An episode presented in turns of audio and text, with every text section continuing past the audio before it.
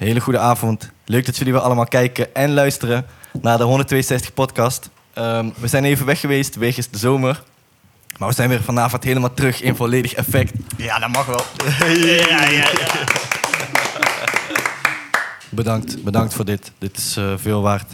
Ehm, nou ja, we zitten hier eh, met eh, het gebruikelijke duo. Zootje. Aan de linkerkant, van, van- voor mij gezien, zit Raiko. Raiko, Yo. hoe gaat het? Ja, gaat goed, man. Hoe gaat het met jullie?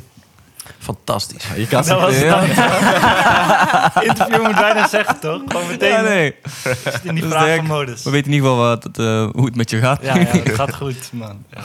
Oké, fijn. En dan hier eh, rechts naast mij Skiba, Same. aanwezig. Naar de kapper geweest. Fresh. Ja? Genieten van het weer. Hoe voel je je? Lekker, man. Lekker. Fijn. Ik heb het eh, een mooie dag vandaag, dus.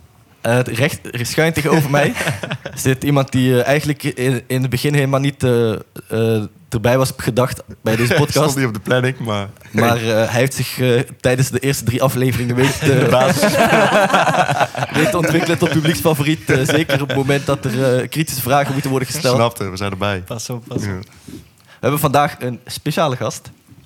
En ik zeg dat altijd, onze gasten zijn altijd speciaal. Maar eh Aafje, Ja, welkom. dankjewel. Ehm, kan jij misschien voor onze kijkers en luisteraars kort uitleggen wie je bent en wat je doet? Ja, ehm, wie ik ben, grote vraag. Maar wat ik doe, hangt daarmee samen in feite. Ja. Ehm, ik eh, doe een eh, PhD-onderzoek, een wetenschappelijk onderzoek naar eh, hedendaagse Nederlandse hip-hop. En ehm, ja, daarvoor kijk ik onder andere ook al een paar jaartjes naar jouw werk eigenlijk. Ehm, dus ik vind het superleuk om hier te gast te mogen zijn. Ja, heel vet. Nou, Ja, Leuk. Sowieso, Ja. dankjewel voor het langskomen. Ja. Ehm, ja, wij, wij hebben natuurlijk zelf ongetwijfeld zoals altijd flink vragen. Je moet niet schrikken als je daar zeg maar een peloton aan vraagt. Ik ben benieuwd. Ja, ja, ja, ja, ja. Nee, is goed. Ik, ik met maak vuur aan de schenen. Ja. Zeg, maar, zeg maar dat iemand zeg maar, boos naar de andere kijkt omdat hij ook wil. Ik ben benieuwd. Ik kan wat hebben. Oké, Kom maar door. Ja. Ik ben oprecht benieuwd, hoe lang ben je al bezig met ehm, je onderzoek, met Rens, Ja. met andere dingen? Ehm, ja, ik ben begonnen in 2015 met dit onderzoek. Tijdens mijn master, zeg maar. Ik deed een research master. Dat is een soort ja, langere opleiding om uiteindelijk aan de universiteit te gaan werken. En toen deed ik, zo- zocht ik een beetje naar focus. En in die master van mij die ik deed was letterkunde. Dus normaal gesproken kijk je dan naar romans, gedichten, schrijvers, zeg maar. En op dat moment was Nederlandse hiphop heel erg groot. Ik luisterde daar zelf ook al super lang naar. Onder andere naar Rens. En toen dacht ik, waarom zouden we niet hiphop gaan onderzoeken als literatuur? het. Ja. Ik zie dat op die manier, zeg maar. En volgens mij kan je het dus ook met die tools onderzoeken.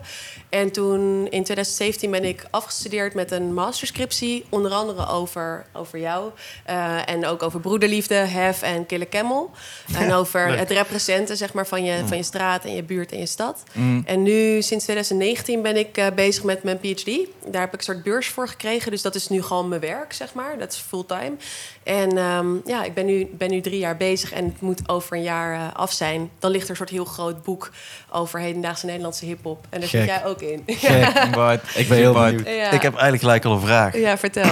Eh stuitte jij, zeg maar, toen je ermee begon eh, met, met hè, het onderzoeksinstituut, zeg van, joh, ik wil eigenlijk onderzoek doen naar, heel plat gezegd, hip-hop, rap. Ja. Stuit je toen op weerstand of was er gelijk al eh, van, joh, eh, vet, doe het? Ja, dat is een goede vraag. Reacties zijn heel wisselend geweest wel. Dus aan de ene kant soort van sceptisch van... maar moeten we dat wel in de, in de wetenschap eh, onderzoeken? Ook vanwege toch wel vooroordelen die ermee gepaard gaan. Terwijl ik juist denk van... heb ik ook heel vaak gezegd van... ja, maar je wil juist gegronde kennis. Eh, we hebben geen gefundeerde kennis in feite nog van wat hip-hop voor jongeren in Nederland betekent. En iedereen heeft er wel een vooroordeel over. En als je dat soort van weet duidelijk te maken, dan komt er enthousiasme. Ja. En dat was ook een beetje met die scriptie in 2017. Toen ik daar dus mee bezig was, wilde ik heel graag eigenlijk dit tot een groter onderzoek uitbouwen. Want je hebt maar heel beperkte ruimte in zo'n masterscriptie. En ja, ik wilde gewoon langer maken. Eh, er zat nog zoveel vragen eigenlijk eh, die er waren. En toen eh, moest ik dus ook voor zo'n soort commissie met allemaal professoren en zo dit gaan toelichten. Van dit moet er komen. En er waren wel 800 mensen of zo die, Zo. die ingediend hadden voor die, voor die ronde. Met allerlei ideeën natuurlijk. En toen waren uiteindelijk 16 die het kregen. En toen was ik daar ook bij. Wow. Toen dacht ik wel echt van ja, dit, dan wordt het wel echt gezien, zeg maar. Ja. Zelfs met die scriptie. Ja, die scriptie heeft toen uiteindelijk twee prijzen gewonnen. Zo. Dat klinkt een beetje opschepperig, maar Nou het ja, zegt mag meer best, iets eh, over een soort worden. van, van ja, het gaat om, om hoe ik schrijf natuurlijk, maar het gaat eigenlijk nog veel meer over van men ziet dat dit relevant is en dat je hier echt iets mee moet doen, dat dit moet gebeuren. Dus dat vond ik heel tof. Maar je Oh, zei ook, want in het voorwoord van je scriptie schreef je ook dat je stageonderzoek deed. Ja. En dat toen degene, de vrouw die dat Ja. begeleidde, die, eh, ehm, die ging er niet vanuit dat je ook naar Smip luisterde, Nee. bijvoorbeeld. Klopt, ja. Dus je stu- stuit ook wel op weerstand daarin. Of? Zeker, ja. Je hebt, ja, ja, het is gewoon... Ja, research, jongens, research. Ja, ja, heel goed, heel goed. Hij is ingelezen. Klopt, ja. Nee, dat klopt. Je hebt gelijk, ja. ja. Ja, ja. Nee, dat is waar. Zou ik meer feitjes Ehm, gooien of niet? Ja, doe maar, doe maar. Eén voor één, één voor één. Nee, maar ik was wel, dat is wel interessant. Klopt, je hebt gelijk. Ik heb wel altijd zeg maar, het gevoel gehad, en dat was inderdaad die vraag van... En ik bedoel, ik begrijp dat deels ook. In die scriptie geeft er re- rekenschap van, van oké, je ziet een witte vrouw, blond haar. Eh, je denkt dan misschien niet direct van, oké, die houdt heel erg van hiphop, zeg maar. Maar tegelijkertijd zijn dat nou juist vooroordelen waar, waar ik denk van, ja... Heel veel jongeren luisteren naar hiphop. Heel veel oudere mensen luisteren ook naar hiphop. Ja. Eh, dus je moet ook juist breder kijken. Eh, maar het is zeker wel iets waar ik mee in aanraking kom, zeg maar. En ook ja, je bouwt een soort van continu bruggen of zo tussen aan de ene kant hip-hop scene en ook de academie, universiteit, ook hele andere werelden. Dus dat, dat is wel echt zeg maar de kern van mijn werkpraktijk of zo, om daarin te verbinden, weet je wel, en om te laten zien van dit kan heel goed bij elkaar horen. Eh, maar dat is wel ook echt een, een van de grote vragen van hoe doe je dat en hoe beweeg je daar ook in als onderzoeker, ja. Zeker. En hoe doe je dat? Ja, goede vraag.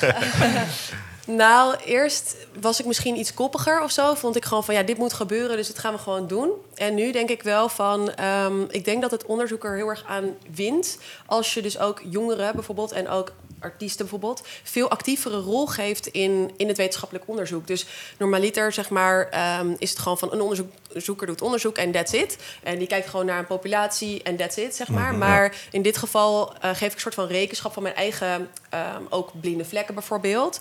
Door mensen te laten meedenken over concepten of over methoden, et cetera. En dat, dat werkt heel erg goed. Want je, het zijn toch ook jonge mensen en ook, ook natuurlijk oude mensen, maar het zijn vooral jongeren waarmee ik spreek, die weer heel andere ideeën opbrengen. Weet je wel, heb je hier wel eens aan gedacht? Of ja, heb je, heb je wel eens in overweging genomen dat dit en dit en dit? Dus nou ja, daar ga je dan ook je methode bijvoorbeeld heel erg op aanpassen. Super interessant ook weer. Ja. Top. Waarom, waarom zeg maar, heb je op een gegeven moment besloten van hip-hop? Was er iets wat, wat jou daarin aansprak, Ja. wat andere dingen die ik kon onderzoeken niet hadden? Of, ik ben daar wel benieuwd naar, ook voor mensen Ja. die zich afvragen van... hoe kom je daar dan terecht op, op die plek Ja. waar jij nu bent, zeg maar? Zeker, ja. ehm, dat is eigenlijk, dat komt meer uit mijn eigen ervaring met hip hop voort.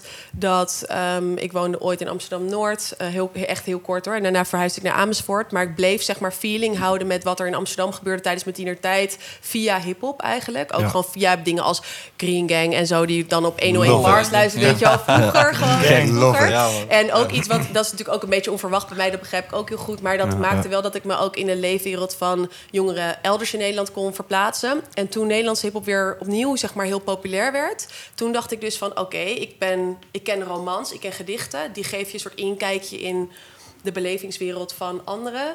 En zeg maar al, mensen die anders zijn dan jij. En dat doet hiphop volgens mij ook. En nu het zo populair is, wat gebeurt er dan met jongeren die daarnaar luisteren? Dus Ja. dat was eigenlijk een soort kernmoment. Hmm, interessant. En misschien wat vroeg om daar conclusies aan te koppelen. Maar wat doet het met jongeren die daarnaar luisteren? Ja, dat, dat is de kernvraag. Ja. Maar het, het- ik kan een soort van nu al wel bewijzen, tussen aanhalingstekens...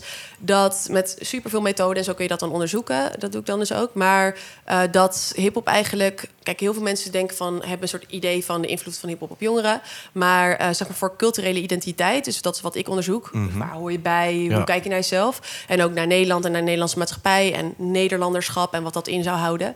Ehm, daar heeft het heel veel invloed op, omdat je leefwerelden van mensen leert kennen die anders zijn dan jij. En bijvoorbeeld ook over religie leert, over spiritualiteit, eh, multi-etnische achtergronden van andere mensen, sociaal-economische positie. Dus wat het uiteindelijk doet, is dat daardoor betrokkenheid tot stand komt, zeg maar, kennis als het ware, en dus ook een soort van engagement, dus een soort van inlevingsvermogen en een soort van betrokkenheid die ook zich kan uiten in actie. Dus dat is een beetje het kernding. Ja. Daarvan wou ik inderdaad vragen. Kan je die uitleggen? Ja, ja, ja, ja, nee, logisch. Ja. Ik zal inderdaad even de, te- de termen een beetje tot een minimum Ja, nee, nee, dat is niet Ik vraag me af van hoe, hoe onderzoek je iets wat in feite ehm, niet in elk geval, maar het is natuurlijk, het zijn niet alleen maar een soort van feiten. Je kan je, je onderzoek baseren op, op de informatie die je hebt en vaak Mm. wordt die informatie ook bewust op, op een bepaalde manier gegeven. Toch? Ja. Bijvoorbeeld, eh, om even naar mijn eigen ehm, album, laatste album te verwijzen, bijvoorbeeld Wavy album.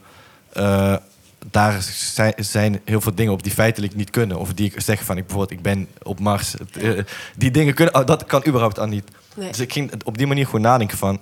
hoe, hoe ga je daarmee om? Hoe, hoe onderzoek je iets wat in feite eh, open is voor interpretatie? En hoe haal je daar harde, soort van, ja, harde feiten... Ik weet niet of je daarna op zoek bent, maar gewoon hoe haal je daar dingen uit... waarvan je zeker weet dat ze kloppen of zo? Ja, dat is wel inderdaad een hele mooie soort van vraag. Ook gaat ook een beetje terug op de literatuurwetenschap, waar ik dan soort van uitkom als het ware Ja. als onderzoeker. Want het idee is zeg maar dat als je als artiest maak jij natuurlijk een soort van oeuvre en daar stop je van alles in. Ja. En het idee ook bij een roman of bij een gedicht en wat ik dus ook aanhang, zeg maar, is dat mensen daar eigenlijk allerlei verschillende betekenissen aan kunnen koppelen. Weet je, er zit heel Ja. veel in. Dus ik kijk, zeg maar, als ik naar jouw teksten bijvoorbeeld kijk en ook naar, naar sound en naar visuals en zo, dan kijk ik zeg maar van wat, wat zijn de mogelijke betekenissen allemaal die je zou, eruit zou kunnen halen. Ja. En wat denk ik, zeg maar, dat de soort van main lezing of de main, het main gevoel is dat jij daarmee wil uitstralen. Een soort van het grote verhaal dat jij er wil mee, wil vertellen. Dat is een soort van mijn lezing en die is heel erg open alsnog. Ja. En hoe je het dan echt tot feiten gaat brengen is...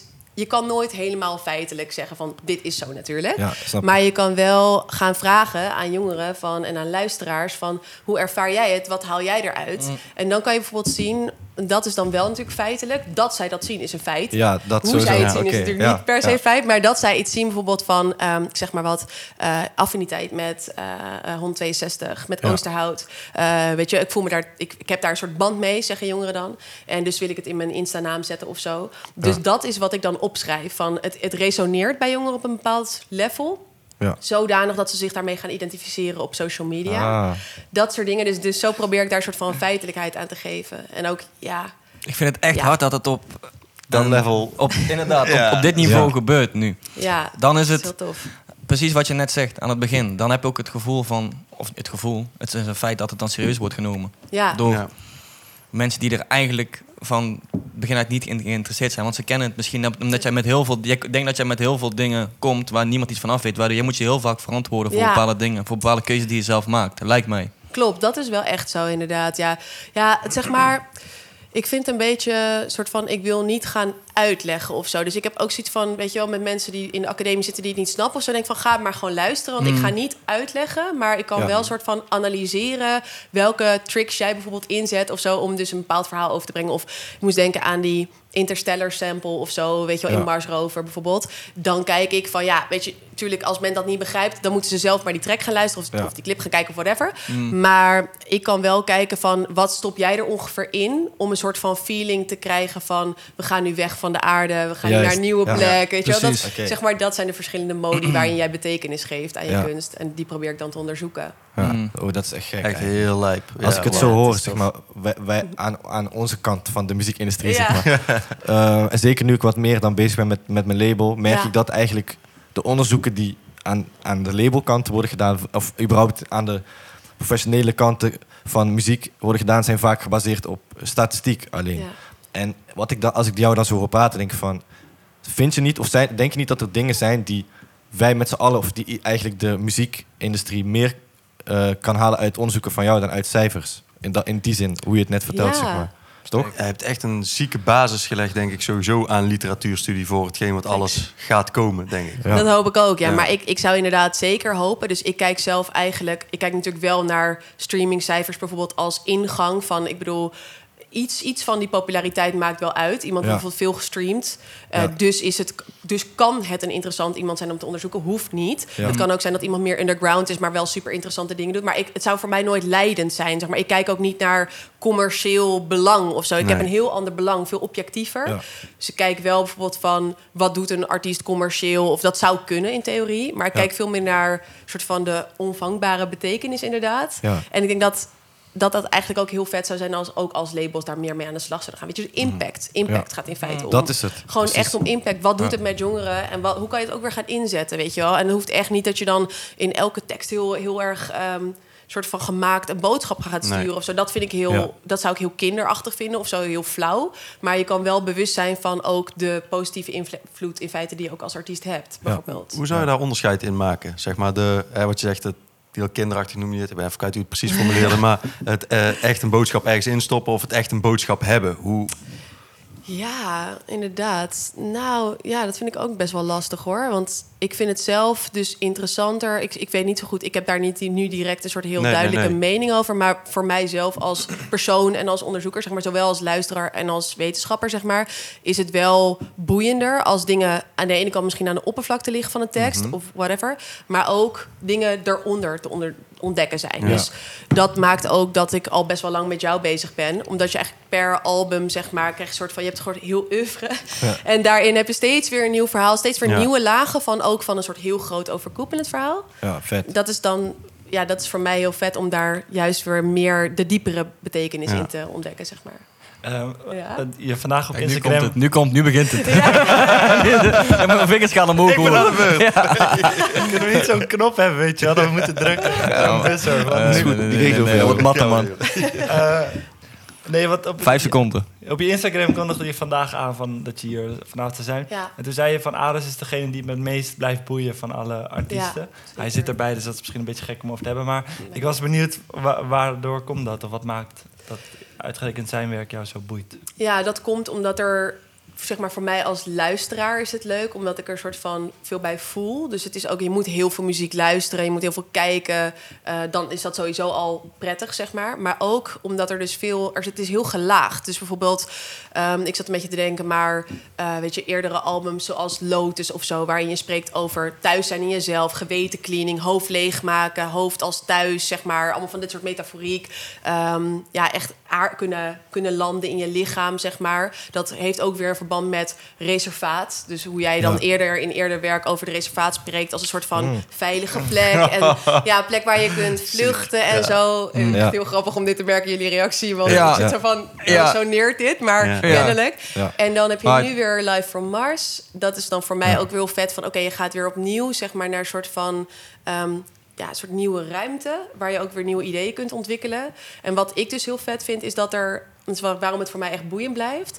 is omdat er heel veel soort van grotere filosofische ideeën in zitten... die ook al soort van langer in de lucht zweven, om het zo maar te zeggen... Mhm. die jij dan weer in een soort nieuw jasje... als het ware aan een groot, groter hippopubliek verkoopt. Hard. Dat, dat is voor mij heel tof. Hoe je dat ook te publiek? herkennen.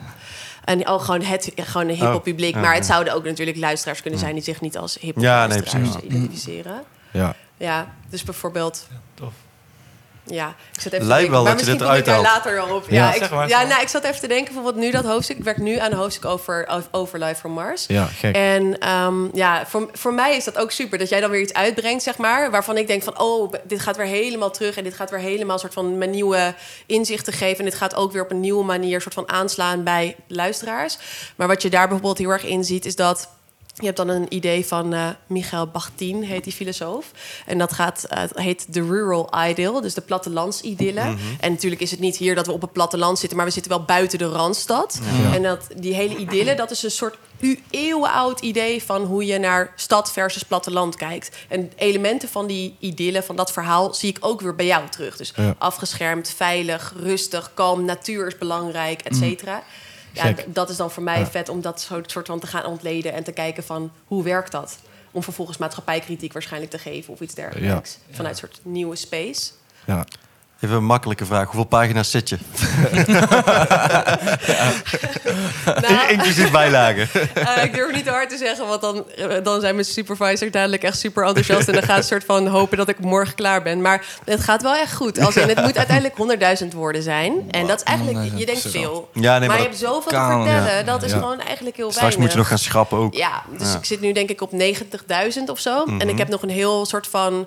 eh, dus je hebt productiekant, dat is zeg maar wat de maker doet, artiest. En je hebt receptie, dat is hoe, je, ja, hoe het publiek het, ontvangt. ontvangt, ja. Precies, en daar doe ik dan ook big data analyses. Dus kijk ik van eh, welke emojis reageren mensen, welke... Nou, bijvoorbeeld 162 wordt heel vaak herhaald in Insta-namen. Hoe kan je dat in kaart brengen, zeg maar? Hele grote schema's. Ja, en dan heb ik interviews. Dat moet allemaal nog uitgewerkt worden. Hoeveel, hoeveel mensen Ik mag wel gaan schrappen. Ehm, Ik ben ook echt benieuwd hoe een week eruit ziet. Gewoon Ja. Hoe jij werken. Ja, precies. Maar ik vind het superleuk om te doen. Nee, ja, ik, moet nog, ik moet nog best wel wat interviews afnemen. Mhm. Ik denk nog iets van 25 korte interviews, zeg maar. Ook dingen in groepen. Dus dan, dan kan het ook zo zijn dat iemand bijvoorbeeld zegt van... ehm, met mij doet het A, eh, antwoord A, zeg maar. Ik, ik, ik- het maakt mij dat ik aan het nadenken ga. De ander zegt van, nou, ik denk helemaal niet over de tekst na. Ik voel er gewoon heel veel bij. Ja. Zegt die ander, ja, dat heb ik toch ook wel. Dus dan krijg je weer nieuwe onderzoeksresultaten. Ja. Ja, gek. Ja, dus dat is nog wel een ding, maar dat gaat nog gebeuren. Ja. En, en hoe identificeer je eh, jouw respondenten? Ehm, hoe bedoel je dat? Ja, die mensen die interviewt. Gewoon, eh, hoe, hoe bepaal je die, die, Ah, zo. die groep? Hoe Ja. selecteer ik ze Ja. als het ware? Ja. Ja. ik kijk zeg maar deels naar ehm, jongeren die of mensen die in feite, ik zeg heel vaak jongeren, omdat heel vaak Mhm. jongeren zijn, maar mensen die heel actief zijn op socials, bijvoorbeeld ook op YouTube reageren of op Insta. Mm, dat is een deel, zeg maar, dus online scout als het ware. Maar het kunnen ook mensen zijn die ik bijvoorbeeld via artiesten ken. Mhm. Bijvoorbeeld via Smip. Ehm, ja, dat is bijvoorbeeld, daar, daar, via hen ken ik veel jongeren. Maar het zijn ook jongeren in mijn buurt, bijvoorbeeld waar ik woon. Eh, dus, dus het is nog even een beetje uitzoeken van... oké, hoe krijg je ook een soort van eh, populatie die representatief is. Ja. Dus de volgende ronde is om dan naar scholen te gaan. Omdat je daar gewoon heel veel kids verzameld Ja. hebt. En dan gewoon uit allerlei klassen... allerlei mensen met verschillende achtergronden te zetten... en daarmee in gesprek te gaan. Precies. Zodoende, Mooi. ja. En denk je ooit dat je, want je beschrijft net een beetje zijn werk of jullie werk. Ehm, he- Heb je het gevoel dat je soms ook iets kunt zien wat, wat er niet is of wat anderen niet zien? Dus dat als bijvoorbeeld Brens het zou lezen, dat hij zich helemaal niet erin herkent? Of dat, hij Dat wil ik dus ook weten, man. Ja. Ervaart, ja. Dat wil ik dus ook weten. Ai. Stabiele rug, dit. Ja. Ja, dat is echt een hele goeie. Ja. Ik denk dat dat zeker wel eens gebeurt. Ja, ik denk dat dat zeker wel eens gebeurt. Dat is ook een beetje de hand die je soort van in eigen boezem moet steken. In het zo van.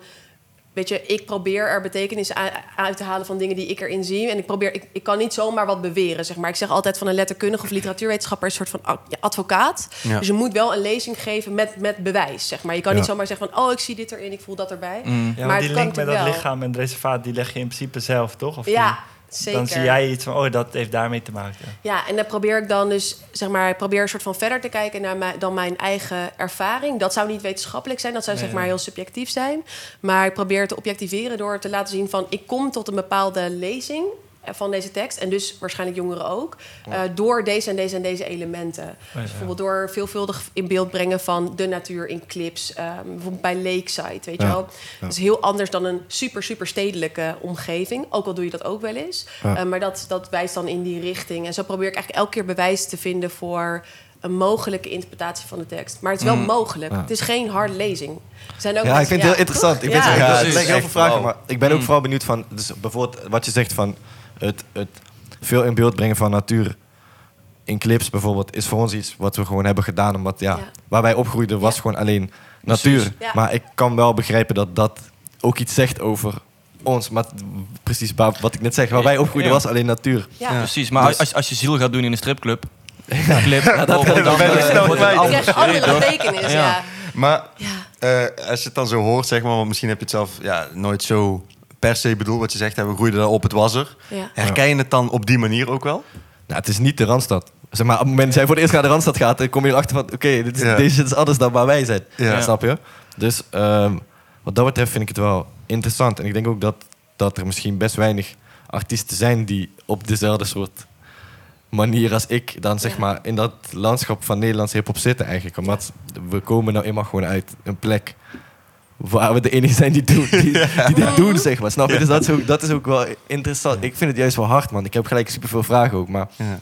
Ehm, dat, dat is ook gelijk mijn, mijn vraag aan jou eigenlijk is van... Heb jij, heb jij niet superveel dingen die jij aan mij zou willen vragen... of aan, aan ons zou willen vragen... waarvan je denkt van... oh, ik ben dit nu aan het onderzoeken. ja, zeker. Want ik, ik hoor van Bewijs, jou... bewijs, bewijs verzamelen. Ja, Als want het ik- mag, ja, ja, ja, want daar. Ben, daar ben ik ook super benieuwd naar. Ja. Omdat ik, Er zijn wel camera's bij trouwens. Ja, dat is waar. Ja, ja, inderdaad. Nou ja, een soort van... Je wil zeg maar voorkomen dat je, dat je dus dingen gaat over toekennen of zo. Ja. En nog één ding van die, die, be- die, be- die bedoeling of zo is eigenlijk niet zo relevant. Het gaat meer om van wat komt er uiteindelijk in terecht. Juist. En dus ik zou wel een soort van willen checken bij jou natuurlijk deels van... herken jij dit? Of weet je, heb ik ook wel eens met Ray Fuego bijvoorbeeld gedaan van... zie Ja. jij wat ik zie? Of heb je, heb je dit erin gestopt? En, en dan nog, het zit erin. Dus zeg maar, mensen kunnen het eruit halen. Dus of hij dat nou helemaal duizend procent heeft bedoeld... is misschien niet relevant. Maar het gaat meer... Mijn vragen zouden eerder gaan over van... ja, hoe kijk jij nu naar jouw omgeving bijvoorbeeld? En ook Ja. naar je auteurschap, dus je, je artiestontwikkeling. Ja. Dat lijkt mij super interessant om daar meer over te weten. Ik zag dat je meer in de spotlight bijvoorbeeld wil zijn. Ja. Terwijl, Iets meer, ja, ja, nu, Dus ja. ik vroeg me ook af van hoe, hoe komt dat? En ja, dat is een goede vraag. Scherpe constatering. Ja, ja, nou ja, het- ja. ehm, ja, het is voor- ik denk ook dat eh, dat voor een deel te maken heeft met eh, een soort van verantwoordelijkheid nemen nu voor, voor ehm, iets in plaats van, ik weet niet. eh, Ik denk dat, dat zeg maar, nu ben ik op een bepaalde plek dat ik een soort van eh, volledig door, door het loods te maken, volledig heb omarmd, zeg maar, wie ik ben en welke positie ik bekleed in, laten we zeggen, de wereld. Heel veel zweverig klinkt het, maar zo, zo ben ik een soort van ehm, ook meer verantwoordelijkheid gaan nemen ervoor. Dus van oké, eh, hoeveel mensen zijn er wel niet die onzeker zijn en in dezelfde positie zitten als wat mijn startpositie was, zeg maar. En, en hoe, het klinkt heel cliché, want dat zegt iedereen altijd, maar in hoeverre kan ik iets doen, een geluid maken wat nog niemand heeft gemaakt, zeg maar. En, en niet alleen op muziek, maar bijvoorbeeld ook door meer een podcast te doen of meer interviews te geven. Ook op plekken waarvan ik vroeger misschien dacht, vroeger dacht ik bijvoorbeeld de Volkskrant, ja, wat boeit mij, wie leest er nou weer de Volkskrant die, die mij boeit? En nu besef ik van, oké, er lezen mensen de Volkskrant die mij niet kennen, maar die misschien wel iets gaan hebben aan wat ik probeer te eh, Ja. doen. Of welke message ik probeer. Of niet per se een message, maar die, die misschien gaan nadenken over mijn kunst. En eh, dat maakt het ook aangenamer om gesprekken erover te hebben in het openbaar. En eh, het, ook, daar hangt ook iets minder een soort van... Zit te lachen nu. Heeft het met volwassenheid te maken ook van jouw kant? Dat je vroeger misschien zoiets had van, nou, Ja, vroeger was het, ja, het is ook wel een, een stukje, denk ik, een mysterieuze eh, imago wat ik erg wilde creëren. Dus ook door mijn, onze filosofie was wel van zo min mogelijk laten zien. Maakt het ervoor dat mensen meer obsessief ehm, wilden weten wat, wat ik wel liet zien, zeg maar. Dus die, die waren enthousiaster over bijvoorbeeld ehm, de, het beeld wat, wat we maakten. Maar ja, is die, Mm. en wat je dan ook doet, bijvoorbeeld als je gewoon zes maanden nergens verschijnt en je verschijnt opeens ergens en je maakt opeens een clip of zo, dan zit er veel gewicht aan. En nu is juist het ding daar, nu ik ouder word, denk ik van, ja, maar wil ik zoveel gewicht hangen aan elke beweging die ik maak? Mm. Of wil ik gewoon net zoals nu een podcast kunnen doen Ja. en gewoon dingen kunnen zeggen zonder dat er gelijk heel veel gewicht aan hangt? Want het is het enige wat ik heb gezegd in zes maanden, zeg maar. Ja, dat ja. is een beetje het gevaar wat ik wilde Ja. voorkomen. En eh, daaruit ook eh, ja, mensen denk meer een beeld te geven van oké, dit ben ik ook, hier denk ik ook over na. In plaats van alleen inderdaad mij te horen in mijn muziek. Want dan kan je heel erg één, één kant van mij zien. Die sommige dingen van mijn persoonlijkheid die ik heb in bijvoorbeeld een interview, kan ik niet laten zien in mijn muziek. Omdat dat, dat is, Mm.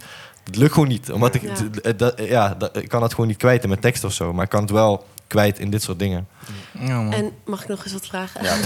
zoveel je wilt. Want een soort van, dit hoor ik ook wel eens van artiesten, andere artiesten, maar die koppelen dat dan vaak dus aan een soort van de plaats waar zij vandaan komen. En ik heb het idee dat jij dat dus deels ook wel doet, maar ik heb ook Ja. het gevoel, in elk geval als luisteraar van jou, dat het ook veel meer nog op een soort van spiritueel feeling gevoel is, dat je ook gewoon iets wilt bijbrengen aan, Ja. aan luisteraars, aan mensen die zich met jou afficheren Ja. als het ware. Is dat ook zo? Of zie je dat zelf ook los van, zeg maar, je komt uit Oosterhout en dus en je gaat laten zien van dat mensen daar ook kunnen maken.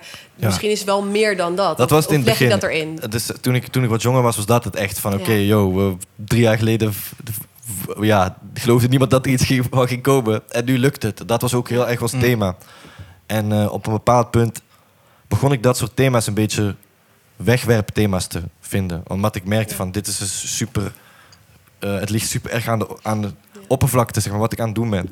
En eh, toen kwam ik een beetje in, in een moeilijke periode. En dat was voor Lotus, dat voordat ik Lotus ging maken. En toen, toen vroeg ik mezelf gewoon echt af van ja, waarvoor maak ik dit? Zeg maar, dus ehm, ik maak de muziek, eh, ik ga ermee optreden, ik verdien er mijn geld mee, mijn vrienden ook. We, we, we komen op plekken waar we nooit van hadden geloofd dat we gaan zouden komen.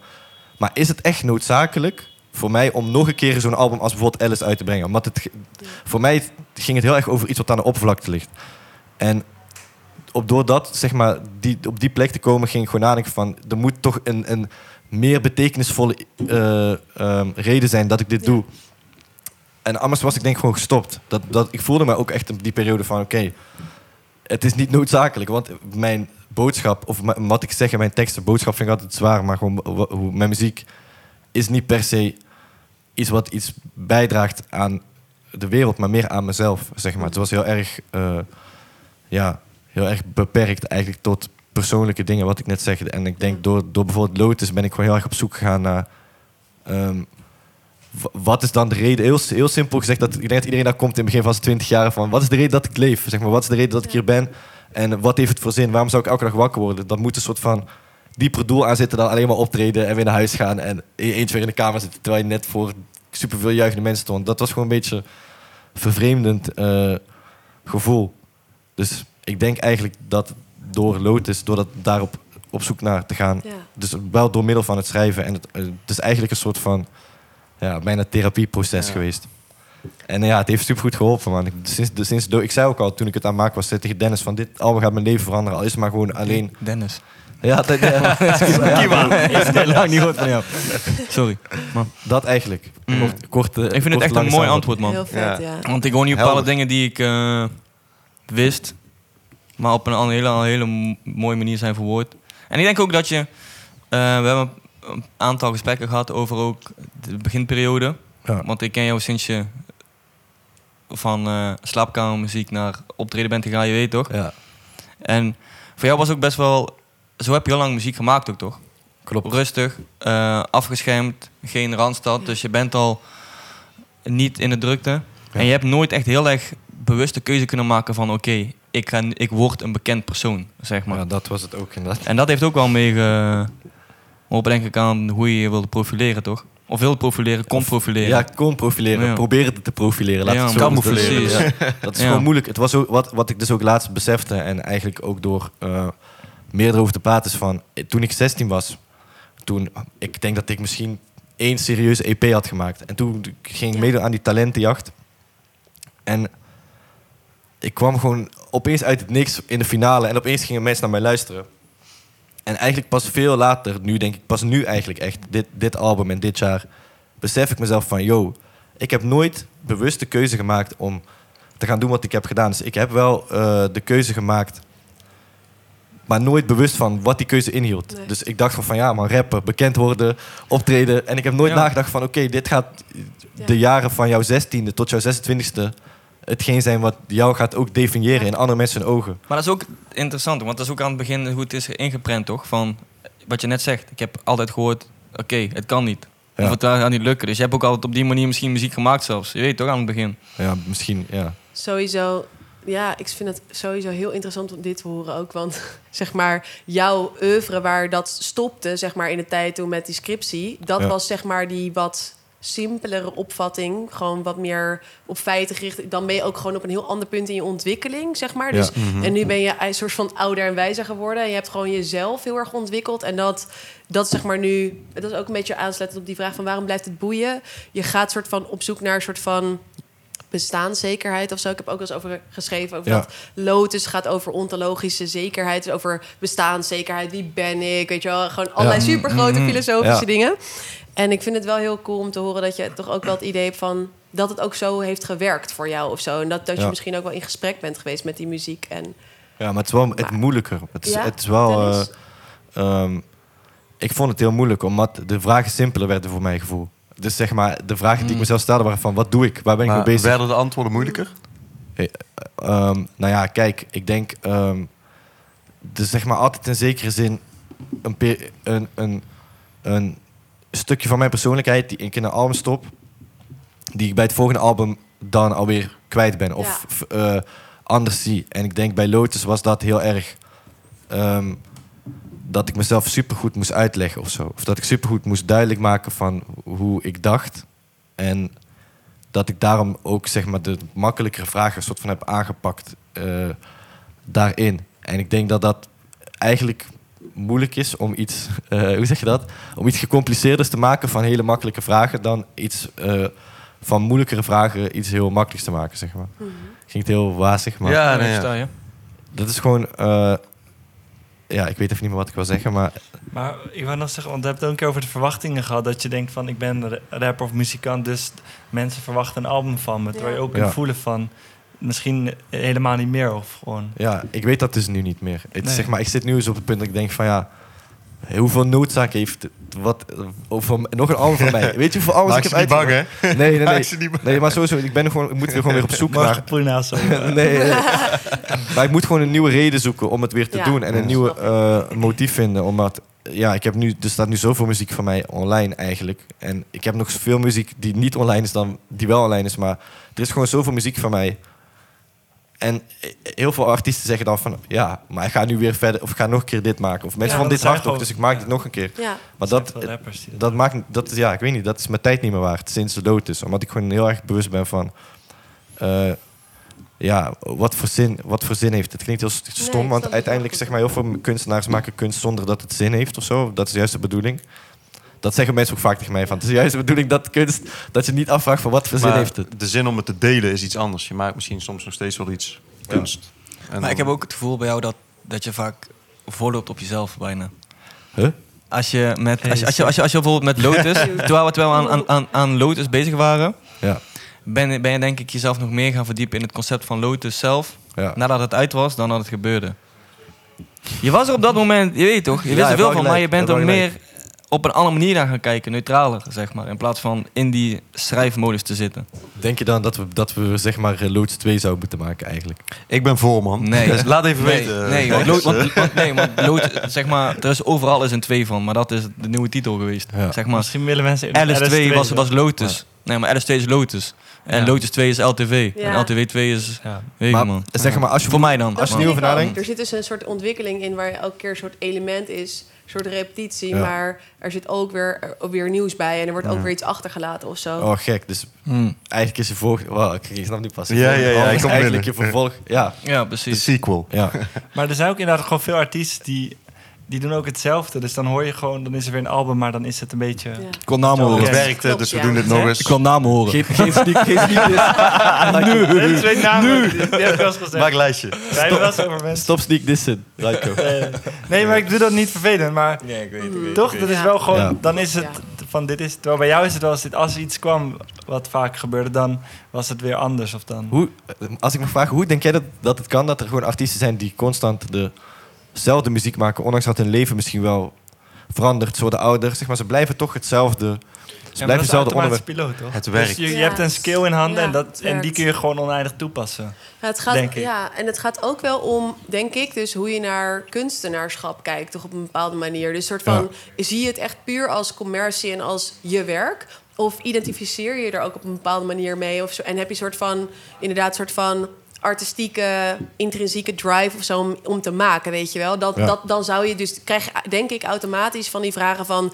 waarom maak ik wat ik maak en hoe moet het er, wat wordt het volgende verhaal dat je gaat vertellen, zeg maar? Ja. Als je het op het moment dat je het heel puur gaat behandelen van... oké, ik maak gewoon geld mee, klaar... Dan, dan ziet je kunstenaarschap er ook heel anders uit. Het maakt niet uit, maar Ja. ja. voor mij zelf bijvoorbeeld zou, zou een Minder kunstenaarschap... dat iets meer ontwikkeld is, zeg maar. Hoeft echt niet alleen maar te gaan over welke verantwoordelijkheden heb je en zo... maar dat je gewoon meer nadenkt over wat maak ik... wat is die kunst voor de kunst die je dan de wereld insteekt... en ja, hoe ziet dat eruit? Maar ik denk ook niet dat elke rapper of muzikant zichzelf als kunstenaar ziet. Nee, ook als kunst klopt. beschouwt. Ja. Ja, daar hebben we vaak over gehad. Zeker, toch? ja, Ja. dat denk ik ook. En terecht, denk ik ook, man. Wat het ook zo mooi maakt, toch? Ja, maar Die balans. Ik vind dat, ik vind dat heel mooi dat dat, Ja, er, eh, dat vind ik dat, dat er is, man. ja. En je hoeft ook niet altijd, soort van, daar hadden jullie het volgens mij ook al eens eerder over gehad, van je kan niet altijd, misschien niet altijd, soort van high-class art maken. Het is ook prima om gewoon content te maken tussendoor, bij wijze van. Ja. Niet, te, niet te veel, maar voor mij, maar goed, ik Ja. ben een soort van marxist dus. Maar ik hou meer van gewone kunst, zeg maar. Maar je, moet ook, je hoeft ook niet die verwachting de hele tijd van jezelf te hebben, denk ik, dat je, dat je kunstenaarschap altijd zo... Ja. Weet je, je bent, je bent in ontwikkeling en dat lijkt me prima. Dat lijkt me heel goed eigenlijk. Ja. Precies. Precies. Ja. En mag ik deze opengooien of niet? Maar ja, Ik heb ik, ik, heb, ik, heb, ik heb het ook. Ik, ik, ik, ik hou ook echt van Ik hoop kunst, dat het liever... gehoord heeft. Echt een klein stukje naar rechts kunnen opschuiven? Dan zien we jou beter vanuit deze kamer. Ah, ja, ja. Prik ze achterhoofd er zo op. Oké, Oh, ja, sorry. next keer, sorry. Wil iemand dit? Dit is wel voor mij de eerste podcast waar Ja. nog niks van de dingen die zijn voorbereid zijn gevraagd. Ja, weet ik niet. Oh, ja, of ja, zit- Ik zit weet- ik hier- Ik weet nog niet dat wat er is voorbereid. Nee, dat vind ik alleen maar... Of, of, of zit ik mis? Ja, kijk bro, ik heb gewoon zeg maar de, de, de capaciteit weten te ontwikkelen in drie podcast afleveringen. Het gaat snel. Hij loopt, hij loopt al vooruit, hè? dat ik zeg maar dit, Super talent. dat ik wat ik wil vragen al in mijn hoofd heb en omzet in een fatsoenlijke vraag die past binnen het gesprek. Precies, oké. Ja, het is research en daarna alles la- loslaten. Ja, Dus kom eraan man. Binnenkort, binnenkort Humberto zijn plek op de Ja, ja, ja. RTL Leed Ari. Uh, leed. Hey, mag ik nog iets vragen? Ja, Nee. vertel. Daar zijn we Ja, voor. ja, ja. Ja. Nee, jij moet weg. Nee. Ehm, eh, in die, eh, of jouw scriptie nog eventjes. Ja. Daar, daar heb je het veel over, of je beschrijft de represent toch? Dus Ja. hoe rappers een buurt of stad vertegenwoordigen. Ja. Denk je dat dat per definitie een rapper beter maakt? Dus dat die beter is als hij dat wel doet? Ten opzichte van als een rapper dat niet zou doen? Want er zijn ook wel ra- Ja. rappers die dat minder doen. Of denk je dat dat essentieel is voor het, het zijn van een rapper? Ehm, dat vind ik wel een goede vraag. Ja, Ehm, achteroverleunen. zo. Ja, Ja, het is een vra- goede ja. vraag, ja. Mm. Als in, ik denk dat mensen misschien verwachten van mij dat ik dat denk of zo, van dat dat werkt. Ik denk wel dat het heel goed werkt om bij jezelf te blijven, zeg maar. Dus leefomgeving is daar gewoon een heel sterk onderdeel van. En daarom zie je het ook vaak. Maar het hoeft voor mij absoluut niet. Nee, absoluut niet. Ik denk alleen dat het wel heel belangrijk is om eens inderdaad te vertellen over iets wat jou bezighoudt. En ook wat dus ook weer anderen kan gaan raken. Of wat weer gaat resoneren bij anderen. Zeg maar. Dat lijkt me belangrijker. Dus in feite jezelf zijn en hoe dat eruit ziet. Ook al is dat in ontwikkeling. Dan puur alleen maar representen of zo. En hoe er ook naar kijk in mijn onderzoek is van het gebeurt. En dus kijk ik er naar. Ik ga niet voorschrijven wat artiesten moeten doen of waar zij het over moeten hebben. Als Tien over Maria wil rappen en over eh, vrouwbeelden, dan kijk ik daarnaar, zeg maar. Zou zij rappen over ontologische zekerheid, dan kijk ik daarnaar. Dus Je ik analyseer puur inderdaad. En ik, ik, zou niet, eh, ik ga niet op de stoel zitten van eh, bepalen hoe, ja, hoe artiesten hun, eh, hun hip-hop oeuvre zeg maar, moeten vormgeven. Ja, maar meer misschien dan- dan de vraag aan jou als mens en niet als onderzoeker. Ja, dat is een goeie. Ehm, nou, zelf eigenlijk, als ik echt puur kijk naar mijn luisteraarschap, zeg maar, dan heb ik het eigenlijk juist liever niet. Omdat ik soms vind dat dat malletje, zeg maar, een beetje beperkend is. En ik hou dus zelf eigenlijk meer van kunstvormen van Ray Fuego bijvoorbeeld, van jou, van Steen, die veel meer over een soort van brede zijnsidentiteitsthema's gaan, zeg maar. Ehm, een soort van grotere maatschappelijke thema's. En soms juist ook helemaal niet. Het hoeft ook niet altijd over dat maatschappelijk te gaan. Juist meer spiritual vind ik zelf fijner, zeg maar. Het raakt me meer of zo. Weet je wel? Dus dat, dat is meer hoe ik er naar luister. En natuurlijk, tekst is belangrijk, maar ook sound en een soort van vibe, inderdaad, gevoel dat je erbij hebt. En ja, soms kan het je wel raken. En dat zit dan inderdaad meer op die identiteitsthema's dan op van ik represent de straat of zo. Ja, dat Ja. minder inderdaad. In, eh, Mooie vraag, ja. in hoeverre ga je ook de grens over? Want het is natuurlijk ja, letterkunde best wel Nederlands georiënteerd als ik het zo hoor. Mhm. Maar hoe, in hoeverre kijk je daarnaar? Ehm, nou, ehm, eigenlijk is het nu zo zeg maar dat er zo weinig onderzoek is gedaan naar Nederlandstalige op Nederlands gerichte of Nederlands Mhm. gerichte hip-hop is dat ik daar gewoon al genoeg werk aan heb. maar bijvoorbeeld een vriendin van mij eh, die doet wel onderzoek naar echt meer Vlaamse hip-hop, dus dat is wel Mhm. Nederlandstalig, maar meer op Vlaanderen gericht ging of Brussel. Ehm, en ook hoe dat dan wordt verbeeld en zo. Dus ik blijf nu soort van binnen de landsgrens, omdat Ja. daar gewoon vet veel werk nog te doen is. Mhm. Maar ik zou het heel vet vinden om naar buiten te treden. En het, het onderzoeksveld waar ik in zit, is natuurlijk letterkunde aan de ene kant. Maar aan de andere kant ook gewoon Amerikaanse hip-hop studies. Super groot vakgebied met allerlei. Ja, s- eh, je zit gewoon aan Harvard en zo, wordt gewoon onderwezen. En ik zou ook eigenlijk naar Harvard Hip Hop Archive gaan. Maar Ja? kwam COVID, dus dat ging toen niet door. Ah, balen. Maar dat zit nog wel in de planning. Ja, dat lijkt me echt heel vet. Ja. Daar heel veel theorie komt daar ook vandaan. En ik laat eigenlijk zien van ja, Nederlandse rappers nemen dat in feite deels over. Maar ze geven juist ook hun eigen draaier aan. En waar dat eigene in zit, daar doe ik precies onderzoek naar. Dus, Oh. oh, Ja. En ben jij de enige in Nederland, toch, die dit doet? Momenteel wel, maar er moeten meer De mensen eerste. komen. Grond, de grondlegger. Ja, Ik nou, er zijn, er, ook wel, er zijn wel mensen die soort van heel erg aan het begin toe, zeg maar, met, echt met meer old school. Dus je had dan bijvoorbeeld, ja, je hebt natuurlijk journalisten sowieso, zoals Van Stapelen en zo. Maar Mm. eh, je had ook bijvoorbeeld meer Wermoed. Dat is dan iemand die meer keek naar ehm, eh, ja, een Engelse traditie, maar dan vanuit de Nederlandse onderzoekscontext. Maar echt Nederlandse hip-hop op deze manier onderzocht. Dat is de eerste keer. Er mag veel meer gebeuren. Ja, ik wou Ja. zeggen, Hey. zeker, zeker, zeker, zeker, zeker, zeker. Ja, en ja, het fucking dik, echt sowieso. En, en ook heel lauw dat jij er gewoon een onderdeel van bent. Dat is echt Ja. wel eh, eigenlijk legendarische tafel Ja, wat vind je daar Wow. eigenlijk van? Ja, ik vind het heel gek. Ik ben de hele tijd gewoon stiekem als, als ik zeg maar gewoon ook even een moment heb, zit ik in mijn hoofd gewoon te denken van wat wil ik weten over. Ik wil gewoon heel veel dingen weten over jouw onderzoek eigenlijk. Ik ben Mm. wel heel benieuwd, zeg maar. Ik ga hem lezen als hij lezen, klaar is. De management Ik- Ja, lezen. nou sowieso. Je mag naar de verdediging komen, jullie allemaal. Ja? Ja, Ja. Ja, oh, raar, man. moeten echt komen. Ja, ja, man. leuk. Ja, man. Lijkt me super. In Ja, ja, Theater ik de Bussel. ik moet het echt, ik moet Ja. jullie uitnodigen. Ja, sowieso. is het vol- volgend jaar is het? Dat is volgend jaar, ja. En dan erbij. heb je dus zo'n commissie van allemaal professoren... en die gaan me dan allemaal vragen stellen. Mm. Van, eh, ja, waarom heb je deze keuze gemaakt? Waarom heb je dit gedaan? Waarom heb je dat gedaan? Ja. Pagina 24 staat dit, weet je wel. Let's go. Ja, Let's go. Als het Ja. als het mag. Tuurlijk, dan sowieso. zijn we dan. Ja, ja, ja. Oké, Dat is vet. let's Ik go. zie wel Ja. het draagvlak even terugkomen in de zaal. Ja. mooi. Heb je al, heb je al iets, zeg maar, van een, een ja, iets wat je hebt geconcludeerd uit het onderzoek? wat je kan delen. Want ik ben gewoon super benieuwd. Maar. spoilers, hè? Nou, ehm, Dat is die, dat is die CEO.